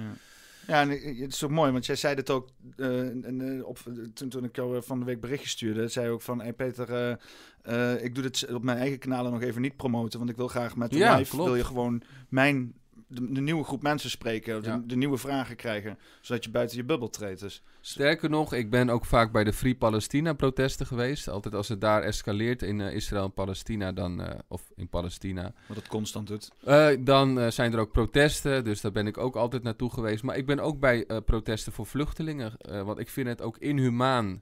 Hè, eh, wat ook die vrouw van, eh van Ja 21 heeft gezegd, ik ben even haar naam kwijt. Anne, A- eh, eh, Annabel? Dobbernegers. Dobbernegers. Laat ze maar dobberen daar met hun boten, weet je. Dus inhumaan. Als het jou overkomt, jouw familie, dan zou je altijd helpen. Maar omdat je die mensen niet kent en omdat ze problemen geven aan Europa, zeg je, laat ze maar lekker verdrinken.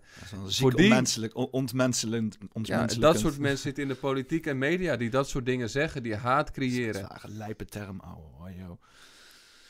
Hè, ik zou eigenlijk ook kunnen zijn bij een, bij een protest, bijvoorbeeld als het gaat om Zwarte Piet. Dan ben ik, snap ik de mensen die ervoor zijn, snap ik helemaal, voor Zwarte Piet. Maar ik snap ook de mensen die er tegen zijn. Want je moet gewoon, als je beide kanten gewoon objectief observeert, beide hebben gelijk. En dat, dat meen ik echt. Ja, maar het grappige is, je, hebt er, eh, eh, aan beide kanten partijen die tegen de macht strijden. En op een of andere manier zijn ze elkaars vijanden. En dan denk ik, hoe dan?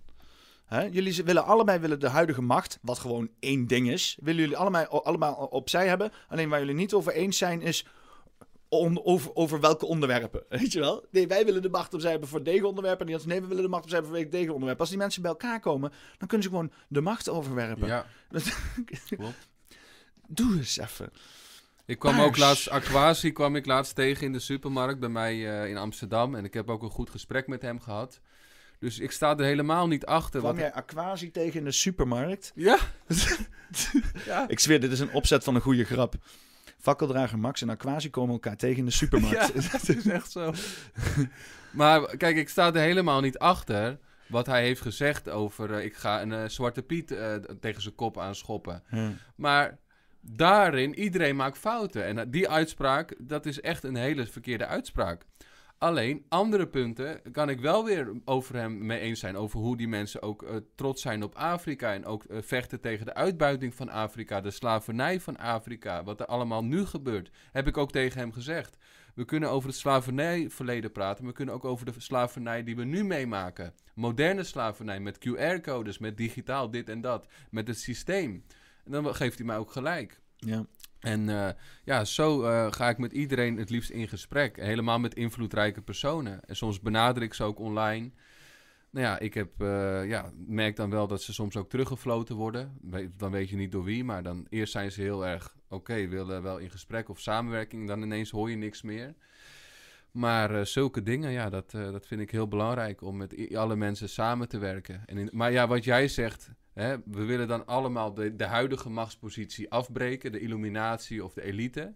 Maar daarna kan er ook een oorlog ontstaan om wie dan in die positie komt. En dan zou je En- ook ineens ellebogenwerk gaan krijgen. Wat- ik, wat ik merk, ook met de discussies onderling die ik heb in Club Allerhoed of in de Discord hier, eh, is dat we eh, heel snel eh, gefixeerd raken op elkaars verschillen. Ja, Hè? En dat we inderdaad, eh, als we fanatiek worden over iets of eh, ergens eh, heel, heel enthousiast over worden, dan eh, eh, is het moeilijk om daarover uitgedaagd te worden. En dan wordt het vaak een discussie over juist die ene paar verschillen die je hebt met elkaar. Want wij zitten hier met z'n allen in deze groep en wij we houden allemaal van spelletjes, we houden allemaal van podcasts, we houden allemaal eh, van de, eh, de macht uitdagen. En eigen, we zijn allemaal eigenwijs en we zijn allemaal alternatief. En we roken met z'n allen jointjes en we hebben allemaal, of in ieder geval, whatever, weet je wel.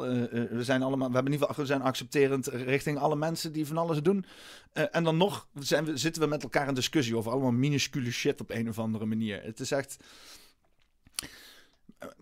Het is leuk, maar daar zou niet de focus moeten liggen. Hè? Die focus eh, zou veel meer moeten liggen op onze overeenkomsten. Want die zijn er volgens mij, er ook, zijn er ja. zoveel. Want uiteindelijk als alle beurs bij elkaar komen, wat wil je nou? Een beetje wonen, wat vreten en gewoon Ja. tijd hebben voor de mensen waar je van houdt en het liefst bij bent. That's it. Wat, wat heb je nou meer nodig? Volgens mij zelfs mensen die miljoenen te spe- spenderen, spe- spenderen hebben, die willen dat ook. En kunnen dat ook niet, omdat ze de hele tijd miljoenen moeten spenderen.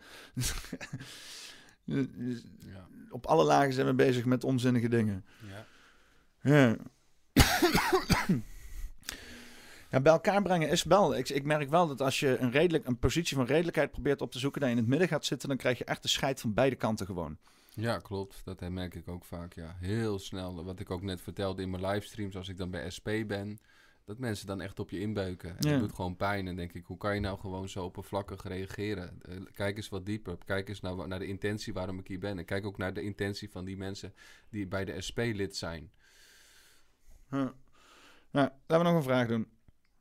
Eh Raymond Aerts. Max, geloof je nog in de verandering door te stemmen? Drie vraagtekens. Aangezien de keyspelers op de loonlijst van het World Economic Forum staan en, de, eh, eh, en deze hun machtspositie nooit zullen opgeven. Nee, ik geloof eh 100% in eh, verkiezingsfraude en manipulatie ook van de kiezers. Door eh, propaganda, door de ene partij krijgt veel meer eh, eh, attentie, eh, veel meer eh, promotie. In de media, radio, kranten. Dus eh, iedereen die nog in die, in die mainstream media fuik leeft, in die, in die overheidsfuik, die, die, die zal nooit een eerlijke keuze kunnen maken bij het stemmen. En daar zijn nog helaas heel veel mensen eh, gevangen in. Maar ik stem wel als, als vorm van protest. Ik ga ook zelf eh, waarschijnlijk eh, of 100% zeker op Jezus leef stemmen. Meer Jezus, minder crisis. En wat, wat, wat was er nou? Ik eh, ben ja- ook lid van de partij. Ik zal ook me mengen in de campagne. Ik was ook bijna kandidaat, maar dat is ook gruwelijk tegengewerkt door Net zoals toen Willem Engel met... kiesraad. ja, ja. Want dat was toen ook. Hij wou, hij wou zichzelf met de partij eh, en toen kon hij niet inschrijven. Dat was allemaal moeilijk gedoe. En toen was hij in één keer te laat. En toen moest hij, zonder, moest hij blanco op de lijst. En toen is dat niks geworden. En vanuit de partij zelf waren in één keer allemaal mensen die eh, moeilijk liepen te doen. Ja. Dat is, dat is eh, hoe, hoe gebeurt dat? Zijn er dan... Oh, hier kan je ook je voeten. Oh ja, ik, ook, ik had er een krukje zitten. Wil jij, gebruik je? Ja, we kunnen hem wel delen eventueel. Delen, deelmaatschappij. Ja, Oh, dat is ook zo web, hè? Daar mag je ook niet meer over Sharing, eh, sharing economy inderdaad. Ja, het stomme is, ik was heel erg voor dit soort dingen. Ja, ik ook nog want, want- steeds. Want ook het hele idee dat we inderdaad in zo'n consumptiemaatschappij zitten, dat, dat bedrijven geen initiatief meer hebben om goede producten te maken, dat is voornamelijk gewoon een, een, een, een- een, effect door, eh, er, zit, er zit, is gewoon zo veel overbundigheid, eh, dat mensen wel gewoon shit moeten maken die eh, eh, en concurrentie, overbundigheid en concurrentie, die uiteindelijk dus mensen nu heel erg in zoveel incentive hebben om zo goedkoop mogelijk rommel te maken, die zo snel mogelijk stuk gaat, zodat mensen alleen maar blijven kopen, kopen, kopen. Maar dat los je op, hè, zonder een of andere gewelddadige revolutie, door gewoon het winstmodel anders te maken. Waarbij jij, als je bijvoorbeeld lampen wil in je huis, dat je dus niet de hele tijd allemaal lampjes moet kopen de hele dag om dat goed te doen. Nee, jij huurt gewoon een eh, lampservice van, van Philips voor, weet ik veel, een euro of twee euro per jaar. En zij zorgen gewoon dat voor eh, eh, hun rendabel voor dat kleine bedrag daar gewoon lichten in jouw huis zitten waar ze eigenlijk nooit meer aan hoeven te komen. Daarom moeten ze de beste fucking lampen maken die ze gewoon eenmalig in je huis maken. En dan, dan gaat dan een hele leven mee. Hè? En dan als ze dat dan keer 60 miljoen hebben, dan hebben ze een business. Weet je wel? En dan misschien een kleine service eraan met een lampenvervangdingetje. En dan klaar is Kees. Maar dan hebben we een incentive om dus inderdaad producten te maken die goed maken. Dus, maar dat is dus inderdaad die hele... Helemaal mee eens. Heel goed gezegd. Ja, Ja, kan je dat- op heel veel dingen toepassen. Ja, dat, dat plan was helemaal mooi, maar dan, dan op een gegeven moment komt dat in de praktijk en dan zie je dus inderdaad dat gemengd worden met, met, met bijvoorbeeld, ook, ook, dan, dan noemen ze het weer leasen en dan krijg je inderdaad huizen huren in plaats van kopen. En, Ja, dat en dan komt inderdaad het wef met you will own nothing and you will be happy. En dan denk ik van wacht eens even, wacht eens even. Weet je eigendom was toch een soort van grondrecht. Hè? En dan Ja. willen ze daar nu aan tornen. Dat is misschien, dat is niet, dat is niet verstandig. Hè? Ik snap dat best dat we, de, want ja... Weet je, dat is gewoon niet verstandig. Het wordt gewoon. Ik heb heel veel dingen ook dat ik. eh, die, die, die First Industrial Revolution. Dat ik dacht van ja, dit zou een, een bevrijding kunnen zijn van de mens. Maar hoe het nu gepresenteerd is door het World E- Economic Forum. is het gewoon een gevangenis.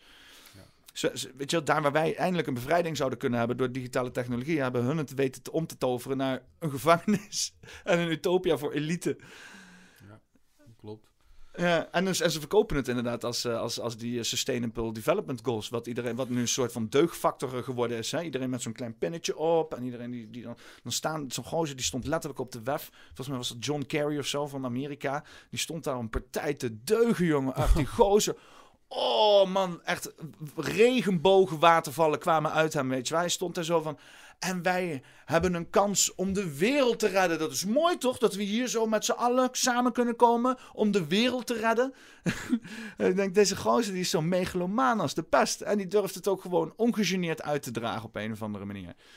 Ja. Ja, ja dat, eh, dat, eh, dat is heel duidelijk, ja. Ja, dat is... eh, ja, dat is de kracht ook van de media om zulke mensen inderdaad een, eh, boeken te laten schrijven, documentaires, films.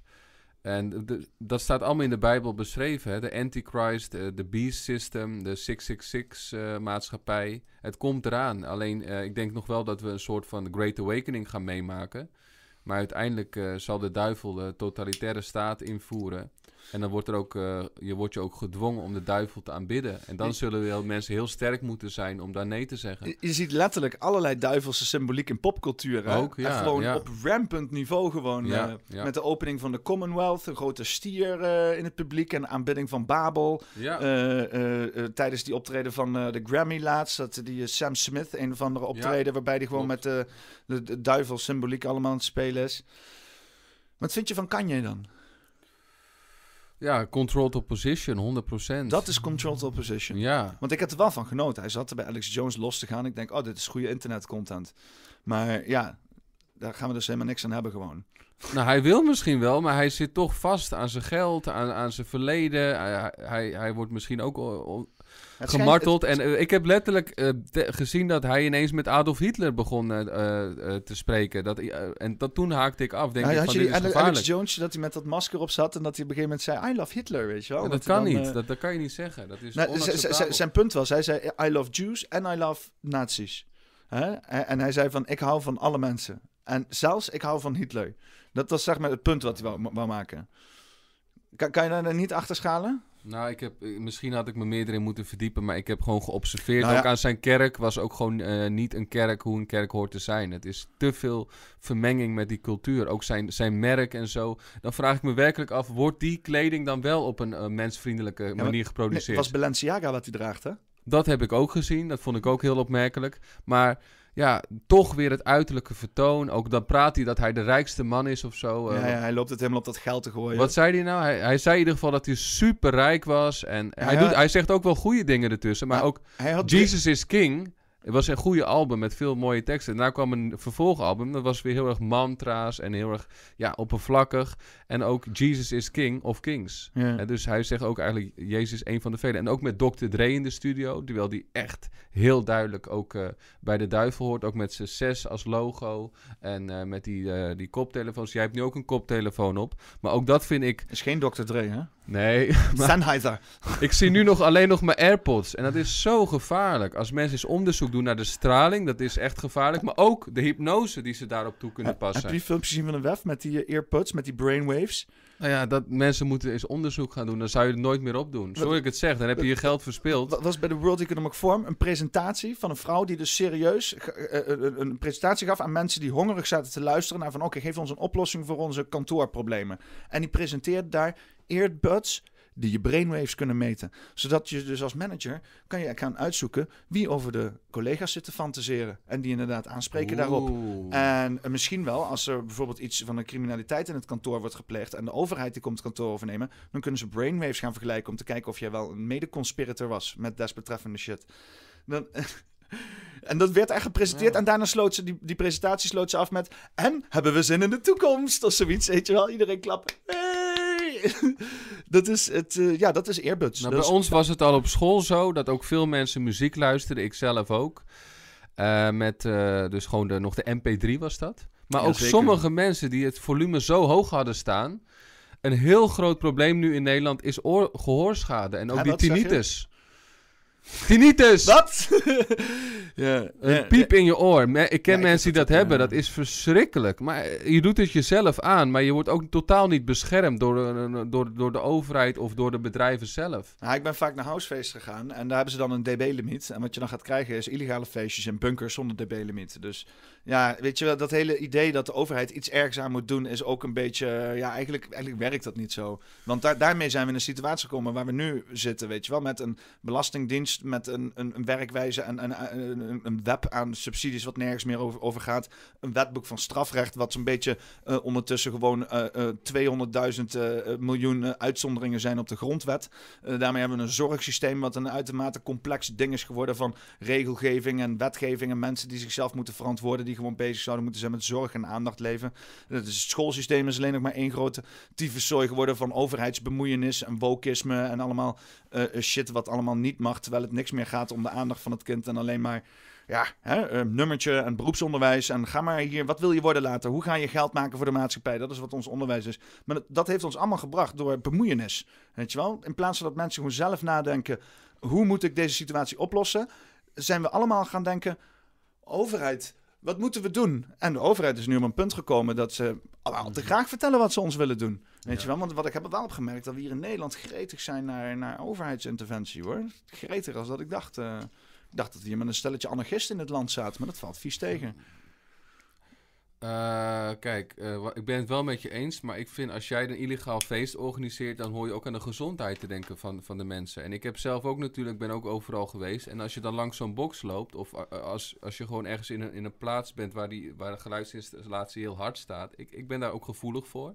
Maar ik vind dat eh, niet liefdevol als jij je eigen mensen gewoon Ja, maar mensen kiezen er toch voor om naartoe te gaan. Nee, want je, je, je, weet, je komt daar met hele andere intenties. Nee, je komt niet om geluidsoverlast... Nee, nee, nee, je komt daar expliciet om inderdaad voor die 120 decibel shit te ervaren. Dan, dan, dan vind ik het oké. Als je daar echt bewust van bent, dan vind ik het oké. Maar ik denk heel veel mensen zijn zich daar niet bewust van. Nou, je hebt bijvoorbeeld in, eh, in Duitsland, is niet eens een illegaal feest, dat is gewoon een legaal feest, want in Duitsland heb je geen eh, decibel-limiet. En Oh. dan heb je bij, eh, volgens mij is dat Cubase, en dat is op een oude vliegbasis. En dan heb je dus allemaal bunkers staan. En ja, daar gaat het hard. En men- dat is bekend omdat daar geen decib- decibel-limiet is. Dus mensen gaan daarheen om, ja, klinkt misschien raar, gehoorbeschadiging te krijgen.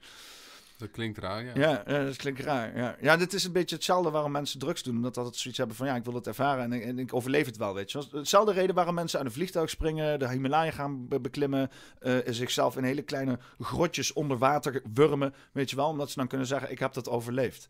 En sommige mensen overleven het niet. En die zitten dan inderdaad met tinnitus, ja. Dat is... En dan stomme is, want ik heb een maat van mij, die, eh, die is dan net begonnen met draaien. eh, toen, eh, tien jaar geleden. Eh, na een half jaar had hij inderdaad gehoorbeschadiging. En kon hij niet meer draaien. En ik draai mijn hele leven. En eh, als ik nu naar de, naar de uh, opticien ga en zo'n pieptest ga doen, dan hoef ik nog steeds geen gehoorapparaat. Ik, inmiddels ben ik wel iets zuiniger en zo. Maar ja, als ik bijvoorbeeld mee ga filmen met eh, andere maten van mij, die heeft altijd zelf die oordopjes in op het festival. Die, weet je wel, en ik niet. Ehm, en als dat regels zouden moeten zijn, als ik dat zou moeten doen, omdat het dan gezonder is voor mij. Ja, dan weet ik niet. Dan kom je in dat gebied waar we de afgelopen drie jaar ook hebben gezeten. Hè?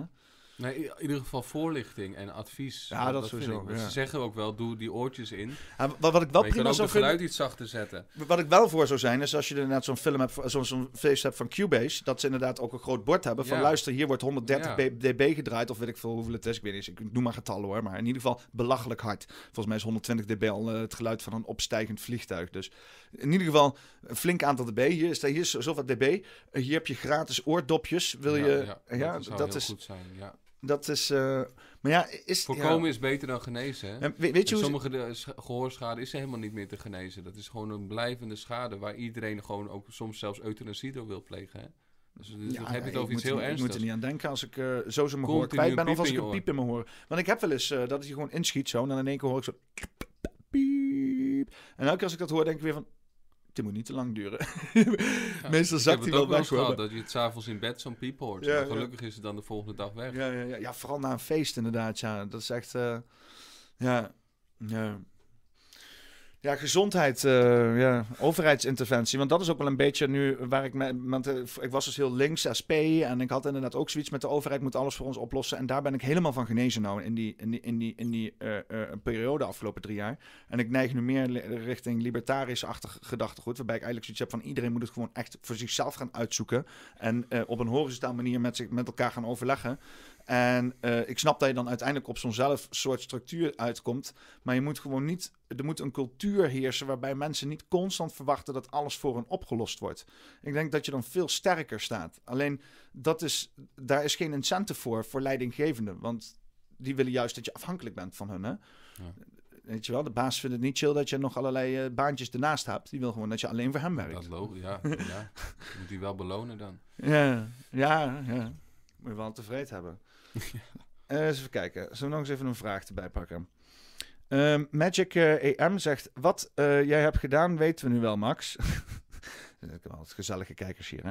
Wat vind je van de echte strijders die dagelijks die piramides kantelen? Piramides kantelen, weet je waar dat over gaat? Je bent op niks max. Nou ja, ik wil ze graag ontmoeten. Laat eens wat video's zien eh, dat mensen piramides aan het kantelen zijn. Wat, wat betekent dat in godsnaam? Eh, de illuminatie hebt ook als piramide als symbool, denk ik, dat hij dat bedoelt. Dus, ja? Of mensen ook, piramides eh, kantelen de Illuminati omverwerpen. Oké, ja, ik ben benieuwd wie hij bedoelt. Ja. ehm, ik heb er nog geen beelden van gezien of iets over gehoord. Want wat is in jouw optiek de Illuminati? Of- of dus het- je dat dat is ze- systeem. Het is het systeem is ja, Illuminati. maar wel de ja. 1% aan top Ja. die alles bepaalt. Ja, dat vind ik mooi inderdaad, het systeem. Want het is ook niet meer menselijk, hè? Het Het is mythisch, het is, het is bijna Ja. een mythisch verheven. Je, je kan het bijna niet meer reduceren naar mensen. Nee, die mensen, ja, dat, dat mag je ook niet meer zeggen. Dan doe je een ontmenselijking. Dat heeft de reclassering ook gezegd. eh, Oh. over, ik, dat, dat zijn geen mensen meer. Of eh, ja, ja, ja. oh. eh, monsters. Of satanisten. Of, of het buitenaards. Ook wat David Icke zei. Wat doe, zei doe, je weer? doe je een beetje hetzelfde als wat Nanning gaat doen met die vluchtelingen, zeg maar. Hè? Ja, maar hun. Bij, wij hebben er wel ook natuurlijk bewijzen voor. Die mensen zijn empatieloos. Die mensen zijn gewetenloos. En, en dat is eh, voor onmenselijking. Want wat maakt jouw mens? Je ziel. Als Of je je ziel ze- aan de duivel hebt verkocht. Of als je je ziel vanaf jongs af aan onderdrukt hebt. En bent verloren in, de, in, in een proces. Of zijn ze compromat? Mind control, hypnose zitten ze soms ook in. MK Ultra Mind Control. Ze hebben ook heel veel programma's. Of zijn ze een compromat, kom dat? Zijn ze gecomprimeerd? Zijn Ja, ze, zijn ze, eh, worden ze gechanteerd? Ook, ja, ook. Ja. Want zijn zij misschien ook niet slachtoffer van iets? Dat vind ik wel, ja. Maar dat kun ik niet altijd aan hun zien natuurlijk. We beoordelen hun wel op hun daden natuurlijk. We kunnen niet kijken wat er achter de schermen allemaal gebeurt. Ja, want ik zat te denken, als je zeg maar op een of andere manier helemaal vanuit een van de eerste gesprekken die ik heb gehad in de podcast hier, in mijn eh, zoektocht naar hoe gaan we om met deze rare situatie, eh, en hoe ga ik om met deze rare situatie eigenlijk. Eh, en was mijn eerste gesprek was met Richard Peters, is een ehm, ehm, een, eh, een eh, hoe heet die mensen ook weer die eh, de voet tussen de deur zetten en een bijbel gaan preken. Jehovah's Jehovah's getuigen. dank je. En ik kende hem al een jaar en ik wist niet dat hij dat was. Wat dus inderdaad enorme cognitieve dissonantie bij me was. Want ik denk, hé, hey, wa- waarom drinkt hij zijn shit niet bij me op? Wat is dit van Jehovah's getuigen? Dus ik was gefascineerd, ben met hem in gesprek gegaan.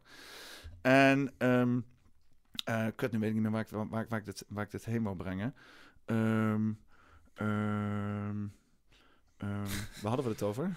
De piramide kantelen. Het systeem of mensen wel eh, bewust zijn wat ze doen of dat ze gechanteerd worden.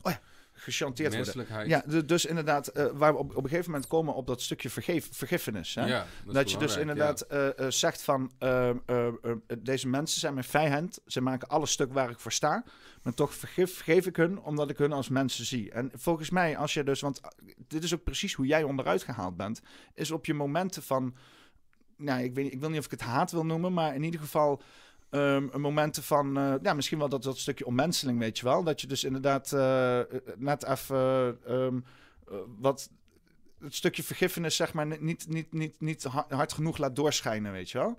Want daar kunnen mensen vaak niks mee. Weet je, als je iemand, iemand die vol criminele activiteiten voor je neus doet en dan zegt van, ik vergeef de fuck jou, weet je wel, voor wat je doet. Hè? Je bent een mens. Ik zag laatst zag ik ook zo'n persoon die inderdaad maar constant zei van, we houden van je, we houden van je, maar waarom stil je mijn protestbord, weet je? Waarom speel je mijn protestbord? We houden van je, maar waarom stil je mijn protestbord? Kan je zo mijn protestbord wil niet eh, willen stelen, ondanks dat we van je houden, weet je wel? Die bleef dat maar herhalen. En dan, dan, dan heb je die agressie weg, zeg maar. Dan, dan geef je letterlijk geen enkel handvat om agressie op te geven of zo op een of andere manier. Ik bedoel, ik, ik zeg het nu. Ik bedoel, ik heb hier eh, uitgebreid lopen schelden en renten op mijn podcast en shit. Dus ik zeg ook niet dat ik hier een meester in ben, weet je wel. Maar het is volgens mij wel iets wat we op een of andere manier moeten kunnen, kunnen met die mensen die daar zitten, waar we het totaal niet mee eens zijn en op die een of andere manier die kunnen vergeven of zo. Ja. Ja. Ik weet, ook niet precies hoe, maar... Nou, in de kerk bidden wij ook vaak. Ik heb ook in de online kerk gezeten, dus eh, op Telegram. eh, bidden in vrijheid. Eh, die is nog steeds gaande. Dan, soms bidden we natuurlijk dat Gods oordeel komt over deze kwaaddoeners, deze elitaire, de, ja, de piramide, de, de leiders, de, one- de 1%, om het eenvoudig te zeggen, de rijken der aarde die ons leven willen beïnvloeden en ook ons uitmoorden nu. Dus de depopulatie en de onderdrukking en de New World Order doorvoeren. Soms bidden we dat God hun vergeeft. Soms bidden we dat ze tot inkeer komen. Soms bidden we dat God eh, hun, eh, met hun afrekent en uitroeit. Ja, zo kan je er meerdere manieren naar kijken. En uiteindelijk eh, is het belangrijk dat je zelf niet gaat zeggen: Ik ben een beter mens dan hun. Of als ik in hun positie was, had ik het nooit gedaan. Want inderdaad, ze worden steeds meer verdonkerd, verduisterd. Ook door die satanische rituelen. Dat heeft een hele grote impact op hun. Soms worden ze ook gedwongen om bepaalde dingen te zien, waardoor hun, eh, hun ook afstompen. Maar zijn ze dat eh, allemaal of zijn dat een paar die ertussen zitten? Eh, Want ik heb altijd het idee ja. dat iedereen zo afgeschilderd te worden... dat je die paar die bijvoorbeeld misschien nog Nou, niet die die daarmee... stappen eruit, of die gaan op de vlucht, Nee, of die plegen zelfmoord. Nee, maar wat je dus wil hebben, eh, is dat dus inderdaad de paar... Nelson Mandela, die zei dat mooi, hè? Met dus inderdaad eh, eh, eh, Zuid-Amerika eh, bevrijden. Is dat hij zei van, je moet eh, iedereen die eh, naar voren wil stappen... en zijn zondes wil opbiechten, moet je de ruimte geven om ze te laten doen. Alleen op die manier kan je het systeem neerhalen. Ja, dat, dat is geweldig. Maar dat, wij zijn toch ook heel uitnodigend daarin? Nou ja, ja misschien... Ik zeg niet, eh, Nee. oh, als je nu, oh, je hebt dat gedaan, stenigen die man. eh, Nee, ik, ik weet natuurlijk dat het wel zo... Dat, die dat, kans hebben ze gehad in de coronatijd. Ja, oké. Nou, ja, nou ja, en ik weet natuurlijk ook dat het wel gepaard gaat met een hoofd, eh, heftige portie met manipulatie, zeg maar. Maar zoals het nu inderdaad, en ik bedoel, ik zie ook gewoon heel veel dingen op internet, hè, die inderdaad, en alle mensen die in die counterbeweging zitten, ook hier in de chat zitten, die allemaal zeggen dood aan whatever, weet je wel. Gewoon full jihad richting datgene waar ze eh, niet, eh, eh, niet kunnen hebben, zeg maar. En als je dan zeg maar als eh, elitepersoon één blik daarop werkt, dan word je toch ook gewoon ondergedompeld in een bak angst. En dat je denkt van, ik, ik dissocieer me hiervan. Zoals Kaag dat zo mooi kan zeggen. Ik dissocieer me hiervan. Hè? Omdat zij letterlijk gewoon, ja, ze ziet alleen maar haat. En dan denk ik, denk ze van, nou ja, laat maar zitten dan. Eh, dan ga ik wel hier gewoon eh, eh, Ja, te- maar dit- tegen dat- jullie zitten bewegen. Sterker nog, ze zegt dan dit moet dan maar verboden worden, weet je wel. En ik, ik, ik, ik, ik vind het altijd moeilijk om. Ik, vind het, ik, ik gebruik al mijn empathie die, ik- die ik kan vinden, weet je. Om dan in haar situatie te stoppen. En dan nog, want zij is zich bewust van alles. Ze weet zich wat ze doet. Dus het is sowieso ergens een politieke en een tactische keuze. Maar ik, ik zit er dan te denken aan de mensen om haar heen. Hè, want zij is natuurlijk ook maar een puppet. De mensen om haar heen, die, die knijpen hem ook peentjes. Die zijn volgens mij ook rijke biljonairs. Die ook niet per se gelukkig zijn, liefde ervaren. eh, eh, eh, weet je, denk je... Veel drugsgebruik ook. Ja, maar dus de- inderdaad De beste kwaliteit drugs, maar ook adrenochroom natuurlijk. Ja, maar dus verdoofd zijn,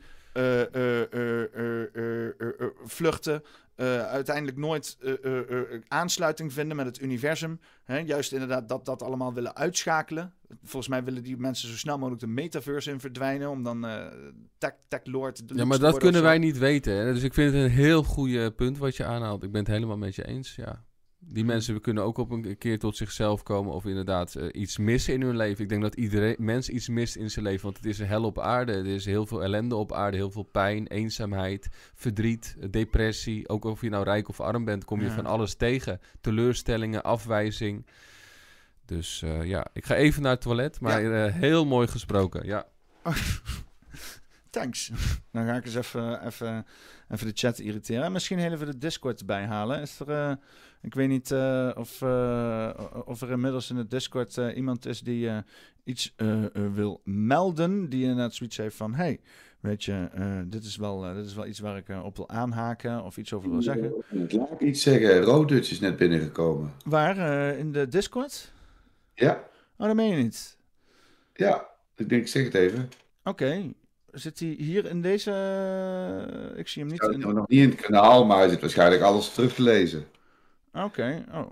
Ronald Laken in de En- house. ja, ik zag hem inderdaad ook al in de, in de chat zitten, inderdaad, ja. Dat is wel grappig. Ja, Eh, even kijken, hè. Eh, even We kijken. hebben heel veel vragen in de chat. Ah, hij, zit, hij zit niet in de YouTube-chat meer. allemaal. Ja.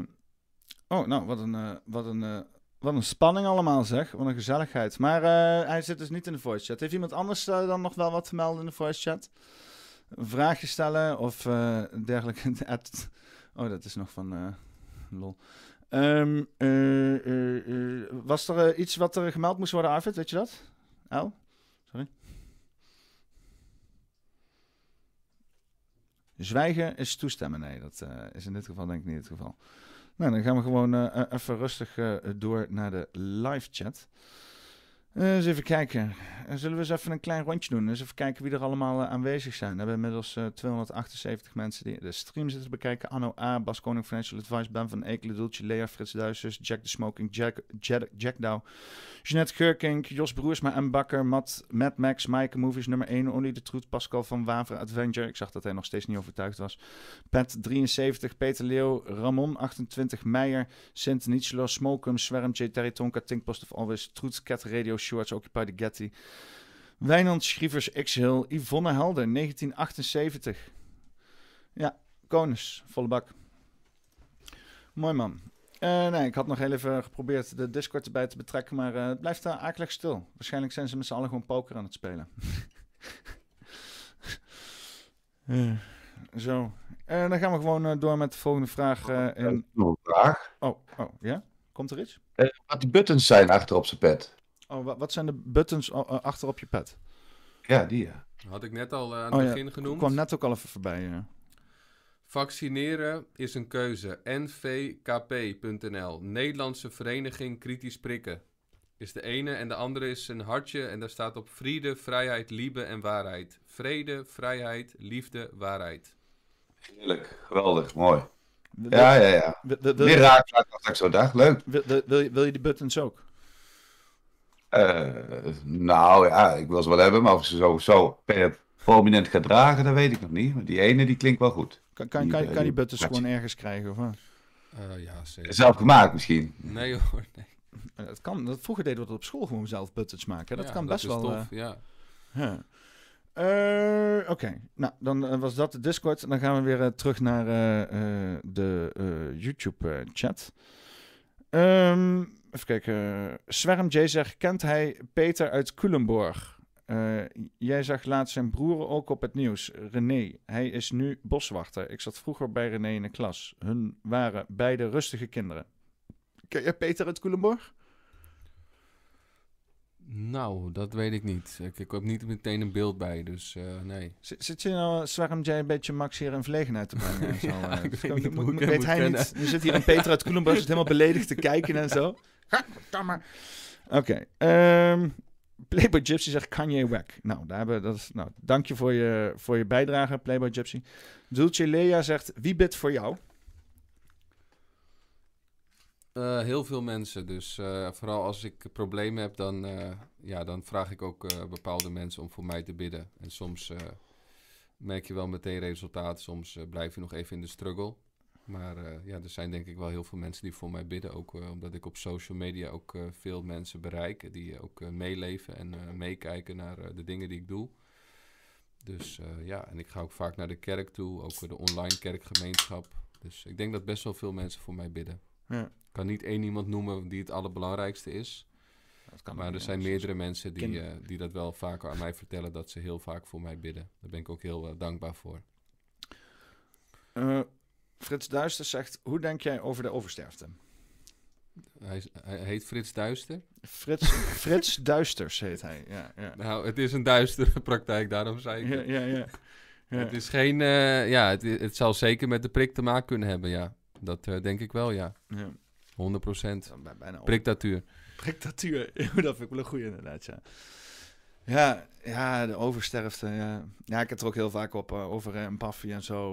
dan, eh, ja, ik probeer daar enigszins tactisch mee om te gaan met het hele YouTube-algoritme en zo. Maar eh, ja, dat er gewoon. eh, ja, het, hele feit dat, eh, dat, dat, dat ze alles uitsluiten behalve één ding is natuurlijk al gewoon een zware contradictie. Ja. Ja, dat, dat soort dingen kan je al vrij snel gewoon de bullshit eruit snuffelen. Ja, daar klopt iets niet aan. Dat is al heel duidelijk. Maar ja, het stom is, het wordt ook al gewoon twee jaar lang eigenlijk vrij duidelijk gepresenteerd in allerlei verslagen en zo en risico's. Alleen dat wordt de hele tijd onderdrukt. Dus eigenlijk is het zelfs niet eens iets nieuws. Ja. ja. Nou, dat waren de, de vragen voor, eh, voor, eh, voor YouTube. Dus eh, ik sluit hem ook heel even af. Dan, nou ja, ik laat hem even openstaan. Als, misschien hebben we aan het eind nog straks vragen. Dus jij moet straks natuurlijk ook een trein pakken en zo. Dus Ja, daar kan ik wel even naar kijken. Ja, wat het ook alweer was, het reisschema. We hebben best al veel tijd gesproken. Ja, heb je ook inmiddels al een beetje behandeld wat je had opgeschreven? Of, Nee, dat helaas niet alles. Maar oh, dan kunnen we nog wel eh, even doorheen lopen, toch? Of eh, niet? eh? Ja, dat zijn wel lange topics. Nou, ki- kiezen we er nog eentje uit.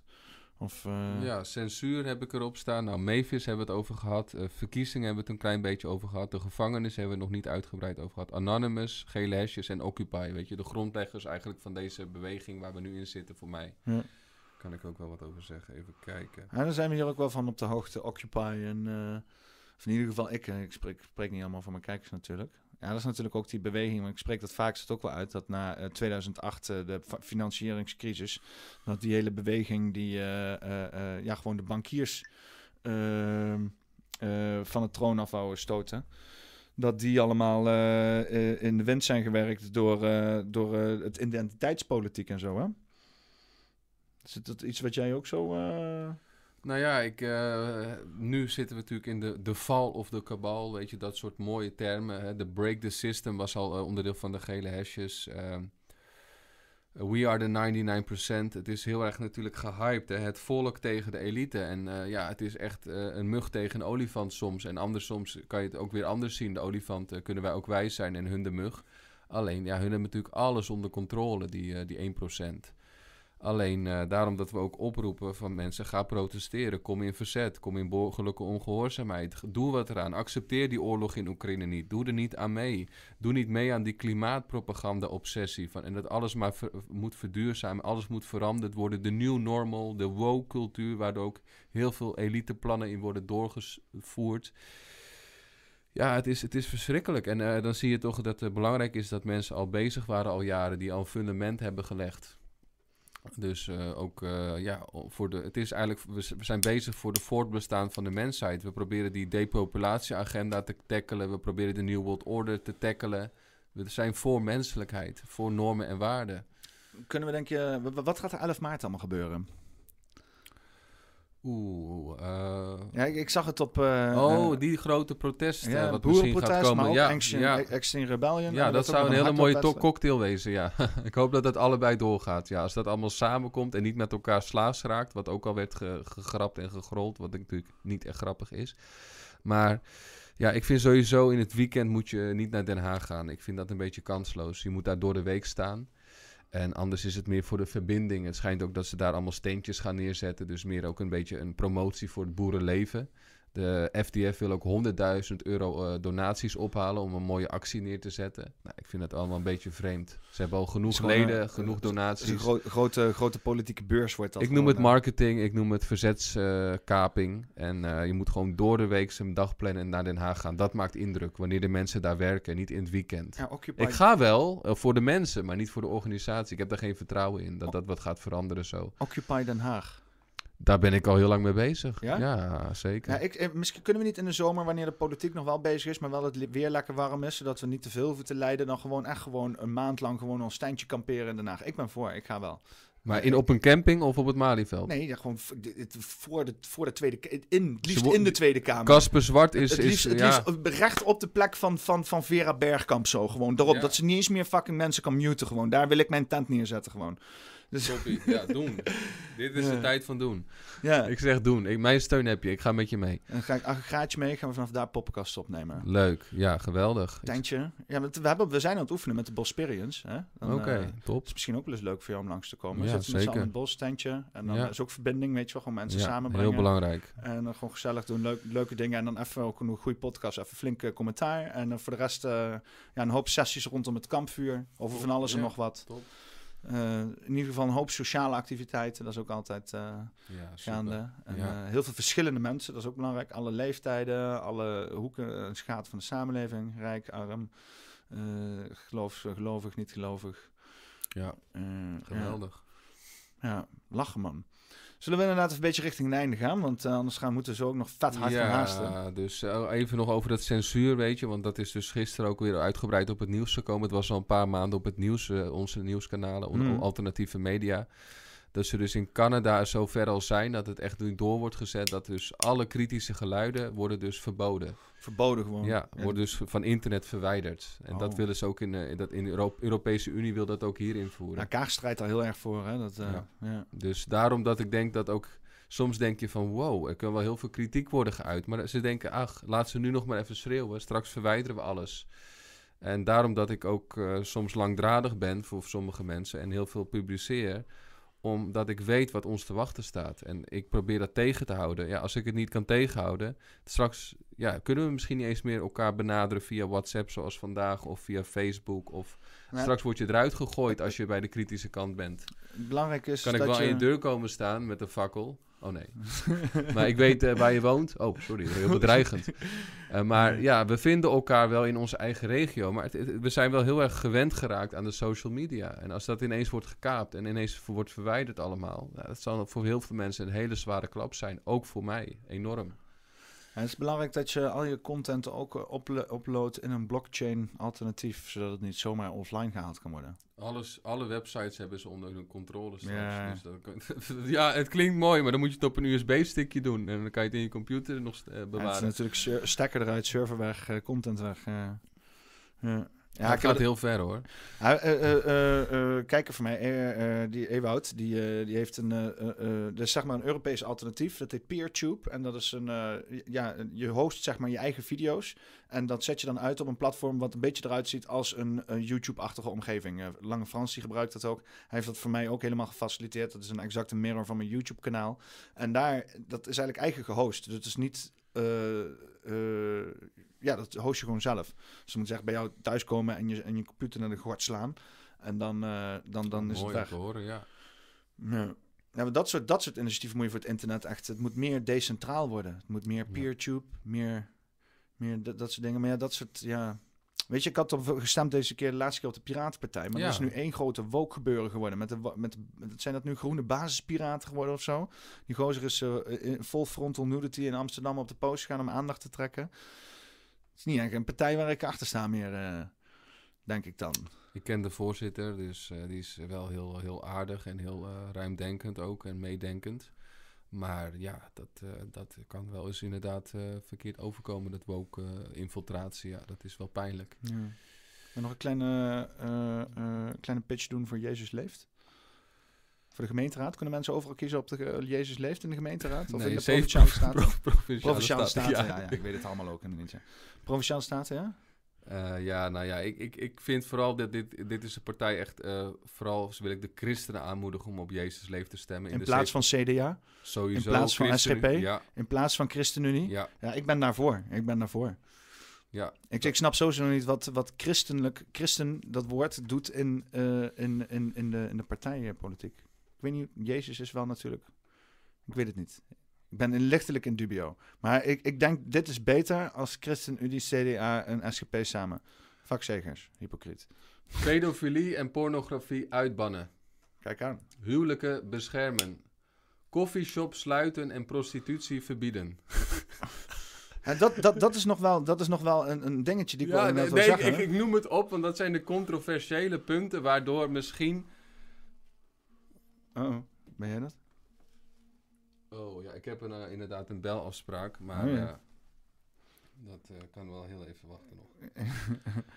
Even, ja, er zijn bepaalde punten waar mensen op afhaken. En eh, dat, is, eh, maar maar, d- denk dat je- betekent dus niet koffieshop sluiten dat er dan niet meer gebloot kan worden. Hè? Dat is heel wat anders, want je kan ook gewoon je eigen wiet kweken en je kan het ook altijd wel ergens eh, kopen nog steeds. Eh, nou, prostitutie verbieden is, gaat ook heel ver. Eh, nou, pedofilie en pedografie, of sorry, pedofilie en pornografie uitbannen ben ik helemaal voor. De stikstofwet laten verdwijnen.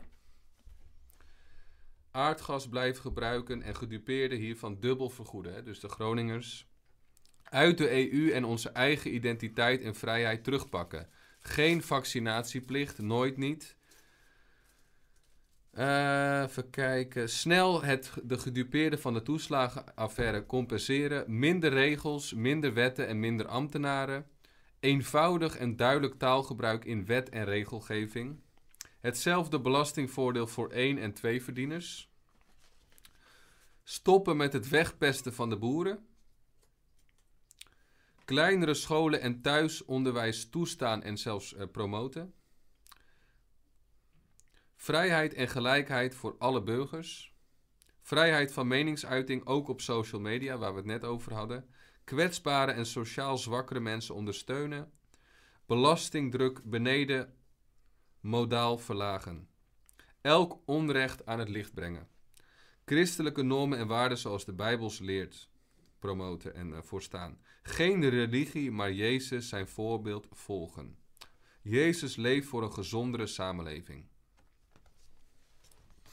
Ja, het is wel een beetje grappig, want het opent zeg maar met een best wel een contradictie. Want je zegt inderdaad drie punten om shit te verbieden. En eh, de een ben ik voor, de ander ben ik tegen, maakt niet uit, weet je wel. Maar daarna zeg je minder regels, minder wetten. Maar daarvoor zijn juist meer regels en meer wetten voor nodig. Ja, dat, kijk, eh, dat is maar hoe je het bekijkt natuurlijk. Eh, Ja, want bijvoorbeeld, dat is precies de, de, de tegenstelling die we geven. Want ik, ben, ik heb heel veel lopen nadenken over dat hele pedo gebeuren, weet je wel. Ik, ik ben vroeger opgegroeid op het internet. Ik heb heel veel shit gezien die fucked up is. Waar ik echt op een gegeven moment echt over moet nadenken. Moeten denken van, wat de fuck heb ik eigenlijk gezien, weet je wel. Wat is dit voor fucked up shit allemaal? op Maar het dark web of op Ja, het normale Nee, ja, dat was toen nog gewoon op het internet gewoon. direct, eh, je was gewoon mp3'tjes aan het downloaden en in één keer een hele map met kinderporno binnen en dat soort onzin. Dat, eh, dat, was, gewoon, dat was gewoon daar. En eh, ehm, eh, eh, dus ik heb al die shit gezien, ik weet dat het Maar er is is. dat toeval of wordt dat ook, werd dat ook gestuurd, denk je, achteraf gezien? Dat ze dat dus willen promoten. Ja, ja, ja, ja, dat is vast, ja. Ik denk wel dat ze het wouden. Ik denk dat, dat heel veel van die viezerieken Ja. zichzelf beter voelen als andere mensen zich Ja, ook uh, viezerik wel, voelen, ja. inderdaad. Ja. Dat denk ik wel. Nee, maar eh, eh, ehm, eh, het is onontkenbaar voor mij hè, dat dat bestaat en dat dat ook hier prominent is in Nederland. Eh, en, ehm, eh, maar wat ik denk, eh, want nou, wat ik niet alleen denk, er zijn ook al gewoon onderzoeken naar, want het is natuurlijk sinds de jaren 70 al een ding. Je hebt natuurlijk hier in begin jaren 90 eh, die, die hele pedopartij gehad. En het is dan zeg maar ook in verlenging van alle ja, liberale progressie, hè, waarbij ze zeggen van zoveel mogelijk mensen moeten geïncludeerd worden. En dat nou, is dan ook het groepje pedofielen. Hoe ga je die includeren? En dat, dat lukt dus niet. Hè? Dat hebben ze elke keer geprobeerd. Dat lukt niet. En die, want die, kan niet, die zijn niet te integreren. Want ja, dat, hè, dat wil je gewoon niet mee kinderen rond te belopen. Maar ja, hè, je zou ze allemaal, allemaal oprollen, allemaal identificeren, allemaal oprollen, allemaal afmaken, wat natuurlijk hooglijk immoreel is. Dan heb je over 30 jaar gewoon weer een soort pedofielen. Want dat is een beetje het hele idee wat ze de afgelopen 50 jaar hebben ontdekt. Het is niet zeg maar. eh, het, is, het, is, eh, het is een soort van aandoening, of hoe noem je dat nou? Hè? eh, een ding waar mensen vastzitten, waar, waar, ze niet, niet zelf voor kiezen op een of andere manier. Het enige wat je kan doen is het afleren dan. Maar dan zit je in hetzelfde straatje als inderdaad eh, homofilie scholen. eh, weet je wel, mensen dan weer streed te krijgen of zo. Ehm, er, er zit een heel raar dingetje waarbij je denkt van wat moet je met die mensen? Dus die mensen zijn er, die, die komen elke keer weer opnieuw terug. Wat moet je ermee? Ga je die, ga je die als beesten behandelen? Eh, Hoe ga je ermee om? Is, is, dat, is dat moreel dan, zeg maar? En, Nou ja, dat vind ik wel eh, heel moreel, want je, je redt levens. Als jij een pedofiel die dus eh, erop uit is om kinderen te verkrachten, dan die moet je meteen eh, opsluiten of uitmoorden. Want eh, je, je doet het om anderen te beschermen. Waarom dat een moordenaar wordt ook in de gevangenis gezet of krijgt de Nou, doodstraf? maar... het is moord. Het is, het is zoveel schade wat ze Als, aanrichten. als, iets- als iemand, iemand, iets, iemand iemand verkracht heeft, maakt niet uit pedofiel, of niet, gewoon meteen eh, bestraffen, weet je wel? En met, met moord is dat natuurlijk ook. Dat zijn gewoon de grenzen. en Maar diefstal. het, het gaat puur om eh, de, de, de, de beoordeling van die identiteit als van een persoon. Dus bijvoorbeeld heb je zo'n, gewoon, weet ik veel. Eh, Hendrik eh, hè, in de maatschappij heeft niks fout gedaan, nooit iemand betast, maar die zegt: Ik ben pedofiel. Hè? En ik ga nu een of andere rare pop uit Japan bestellen, die lijkt op een kind. En die ga ik de hele dag in mijn slaapkamer lopen neuken. En voor de rest heb je geen last van me. Mag zo'n persoon dan bestaan? Het, het is ook natuurlijk eh, zo dat het heel raar is dat er überhaupt gewoon... Dan doe je net alsof het toeval is. Het dark web, dat, ook daar heb de, de, de superdienaars van de overheid... die dus eh, die, eh, die bekend zijn met hoe internet werkt... die kunnen ook daarin zien waar die servers staan... waar dat wordt, eh, ge, wordt geüpload. Dus het, je moet die dingen in de kiem smoren. Er moet nooit geen kinderporno online het- kunnen verstaan, worden rondgestuurd. Dat moet gestopt worden. Daar begint het al. Maar En wat zijn- jij als voorbeeld geeft, ja, da- daar richt die persoon niet direct iemand schade mee aan. Nee, want als het met een pop is. Maar het is wel bizar. Schijnbaar is pedofilie zo prominent dat, dat, dat nee, in dat alle denk ik lagen niet. van de Dat denk ik samenleving niet. zit. Nee. Jij denkt dat niet? Jij denkt Ik niet denk dat, niet eh, dat dit eh, iets is wat je zomaar moet eh, laten plaatsvinden en hem op nou, zijn dat, beloop dat, dat moet zeg ik ook niet. Dat zeg ik ook niet. Nee, ik, ik zeg dat het dat dat Je dat, moet dat, het uitroeien. Ja, kijk, maar dat, dat is dus waar we verschillen. Want ik denk dat als dat dus niet kan, dat je het uitroeit, dan kom je weer terug en dan is het weer een taboe, weet je wel. En, en ik zeg niet dat het genormaliseerd moet worden. Het moet bespreekbaar gemaakt worden en inderdaad voorkomen of en, nou ja, behandeld. Of in ieder Ja, geval... behandeld. Sowieso behandeld behandeld, misschien ja. inderdaad Maar vaak zijn die mensen zelf ook als kind verkracht, hè. En dat is, dat is ook een ja, taboe. Dat, dat, dat geloof ik ook. Maar dus die mensen hebben zelf ook een trauma wat ze niet verwerkt hebben. En dan gaan ze dat weer op anderen eh, eh, eh, uitvoeren. Zo gaat het heel vaak. En het komt ook doordat porno ook zo vaak eh, op internet... Ik ben ook eh, niet in de kerk geboren. Ik heb ook wel eh, op die sites, en porno-websites, dingen gezien. En heel vaak zie je ook in die, in die advertisements... wordt ook gewelddadige porno gepromoot. En het komt ook zo in je beeldscherm. En dan zie je natuurlijk ook als je iets zoekt... dan kom je ook gewelddadige dingen tegen... waardoor mensen ook afstompen. En waardoor de hele essentie van seksualiteit verloren gaat. Porno is echt fucked up. En ik vind het ook inderdaad, want ik ben ook gewoon geleerd- coronavirus, dat wordt wel bestreden, maar een pornovirus niet. Het wordt op zijn beloop gelaten. Het moet altijd maar extremer en raarder Ja, en het- gekke het- dingen het- worden het- rondgestuurd. Het, het sluit natuurlijk voor de, de, de huidige machthebbenden perfect aan op de hele depopulatieagenda. Hè? Hoe meer mannen bezig zijn met eh, zaad aan het verspillen, hoe minder kinderen er zijn op de planeet natuurlijk. Ja, nou ook dat. Ze willen ons ook, zelfs- ook, overal kom je die advertisements tegen, ook op Facebook en Twitter. Seksueel georiënteerde advertisements, dat je, dat je verleid wordt, waardoor je weer met seksualiteit bezig bent in plaats van met je werk of in plaats van met nuttige dingen. Ze proberen je steeds te verleiden overal, ook in, overal in de advertenties gaat het vaak om lust. Eh, wacht even. Ik heb hier een audio dingetje. Raar, Oh, nee. raar. Dat is de, dat is de verkeerde. Hij doet het niet. Oh nee, dat is niet de goede. Daar komt jouw, Nee, oh, dit is... Herken je deze man? daar komt jouw fucking ego vandaan. Oh ja, zeker. Ja. Daar komt jouw fucking ego vandaan. Ik hoorde net dat hij in de Discord eh, was geschoven. Oh, zelfs daar. ik, ja? ik heb zelfs, ik, ik heb nu tegenwoordig eh, een Ronald in mijn Discord. Eh, deze bedoel ik. Ga je iets productiefs doen of ga je wiet roken? Ken je Ja, Ashwin? ken, eens, ja. ken, ken jij Ashwin? Eh, misschien, ik weet het niet. Ashwin Rex of zo of iets. eh is wel VVD-dude. er zit een... eh, ja. Ja, ja, die is wel, die is ook heel erg eh, strikt daarin inderdaad, ja. Ja, die is strikt daarin. Ik denk dat het niet verkeerd is voor de maatschappij. Ja. Ja. Ja, die hele, dat, hele, dat hele stuk, dat is, eh, dat is pittig inderdaad. Eh, ja, daar kan je wel heel lang eh, inderdaad eh, alles belichten en bespreken. Dat heb ik ook wel eens gedaan. Ook bij PNN Nieuws hebben we dat ook besproken, omdat het natuurlijk ook de Red Pill Journal daarover ging.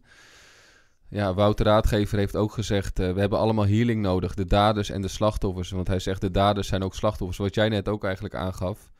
Ja, hoe kunnen die mensen die in die netwerken zitten ooit nog terugkeren naar een normale menselijkheid? Of om, om weer gelijkwaardig aan ons te worden? Ja, dat, dat is heel moeilijk. Ja. Want niet iedereen is vergevingsgezind. Ik denk dat jij en ik er heel anders in staan als andere mensen. Die, die willen inderdaad meteen gerechtigheid. En die zijn ook in staat tot moord op dat moment. Als ze zoiets, oh, achter, zoiets komen. Maar ja, ik heb ook laatst een filmpje gezien dat een in Amerika een man, eh, een andere man, een oude man in elkaar aan het slaan was. Omdat die man dus in de speeltuin kinderen lastig viel. Ja, ik begrijp die emoties. Ik begrijp dat je dan niet de politie belt en zelf in actie komt. Dat begrijp ik wel. Ja. Ja. Ja, ik snap het ook wel inderdaad. Want het gaat wel om je kinderen die jij wil beschermen. En je wil niet dat dit maar zomaar gewoon allemaal gebeurt. En die, Nee, die ja, man was ook al gewaarschuwd. Blijf weg uit deze speeltuin. En hij was toch weer gekomen. Vanuit een oudersperspectief is het, is het vreselijk. Ik heb zelf dan geen kinderen, maar ik, eh, ik- ja, ik zou er niet aan moeten denken inderdaad. Ik ben nu inderdaad nog vrij redelijk waarschijnlijk, omdat ik ook een probeer... Ik probeer het vanuit een menselijk en empathisch eh, eh, punt te kijken, wat vrij uitdagend is natuurlijk. Eh, maar ik hou wel van een uitdaging. En ja, als je dan komt op je menselijkheid en, en vergiffenis, dan moet je met alle soorten mensen een menswaardig leven gunnen. Als zij zich gewoon gedragen op een of andere manier. Hoe zij zichzelf ook identificeren wat dat betreft. Maar ja, ja. En ik vind dan altijd inderdaad dat, dat dit soort dingen altijd vrij pittig worden. Afronden. ja, we komen er nog misschien ooit over te spreken. Het is Ja, een heel moeilijk eh, thema. Vergeving en, eh, en verzoening. En eh, ja, gruwelijkheden die gebeuren. Oké, we gaan afronden. De trein inderdaad, sorry. We moeten de trein halen. Ja. Gezellig einde. Maar we nou, wel- ja. nou we, we zijn nog even samen. Dus wij zullen wel een gezellig einde hebben. Maar voor de kijkers... Ah, ja. ik, ik wil nog wel even een titel verzinnen. Dat doe ik altijd aan het eind van de podcast. oh ja. Eh, voor lekker in het moment te blijven. Heb je iets wat je te binnen schiet momenteel? De High Life. De High Life? Ik zie dat daar staan. Oh, ja, ja. ja. De High is, is Life. dat toepasselijk? Ja, ik word ook vaak denken mensen dat ik drugs gebruik of da- omdat mijn ogen dan niet knipperen of eh, omdat ik bepaald gedrag vertoon. Dus ja, ik zeg altijd, ik ben high eh, door de liefde van God, door de kracht van God. Dus de high life, ja, vind ik mooi. Ik heb ook vroeger veel gebloot, eh, in moeilijke tijden ook eh, veel gedronken. Dus ik ben ook niet wereldvreemd. Alleen ik, ja, nu ja, leef ik de high life weer op een andere manier. Dus nu moet je high van Jezus. Ja, behoorlijk. Ja. Mooi, ik kan Ook niet altijd hoor. Ik ben ook soms somber en depri, dus ook dat ken ik. Er wordt bij ups en downs, hè? Dat, ja, zeker. Veel anders- ups en anders downs. leef je een statisch leven, dat is ook niks. Ja. Ja. Ik eh, kan daar niet, eh, ik kan er niks tegen inbrengen. High life het is. Ja, Dus, eh, ja, mooi. Of, of had je die al een keer? Nee, nee, nee, dit is de eerste keer. Dus die, die staat er al een tijdje, maar niemand is hem nog, heeft hem nog. ja, mooi. Nee, dan, dan is dit. dan bedank ik sowieso iedereen in de chat, iedereen in de Discord. Ik kom straks ook nog in de Discord nadat ik Max naar het station heb gebracht. En dan sluit ik bij deze Poppenkast 106 af met Max van den Berg, de High Life. Bedankt. Yes, high life. Oh. Eh, eh, eh, eh. Make the change. Be the change. Don't wait for the storm, be the storm. Ik wou alleen inderdaad, dan moet ik even een mooi, eh, mooi plaatje erbij zo. Huppakee, dan Ja, kunnen we dan is naartoe niet de gaan. mooiste foto. Nee. Ja, het is inderdaad. Ik, ik heb Je deze. had er wel mooier op kunnen sturen. Ja, ja. Ja, Ik, zoveel. ik had hem even snel. eh, Ja, het, het, het is gewoon. eh, Je bent gewoon een harde werker, dus. eh, hè? Dus eh, soms. Mensen die hard werken kunnen er niet altijd mooi uitzien. Nee, het lijkt zelfs of ik een bloedneus heb. Een bloedneus nog wel. Nee, joh. Eh, eens even kijken, want ik doe dan heel even afsluiten met een muziekje. Eh, tijdsdruk, tijdsdruk. Koffie, jazz, royalty free. Zo, want ik, ik moet mijn podcast, dus een beetje autistisch ben ik dan. Nee, joh, dat is zo. moet ik afsluiten met, met muziek en dingen. En eh, dan bedank ik iedereen. Bedankt voor het kijken. Eh, dan was dit eh, podcast 106 met Max van den Berg. De High Life. Eh, fijne avond vandaag.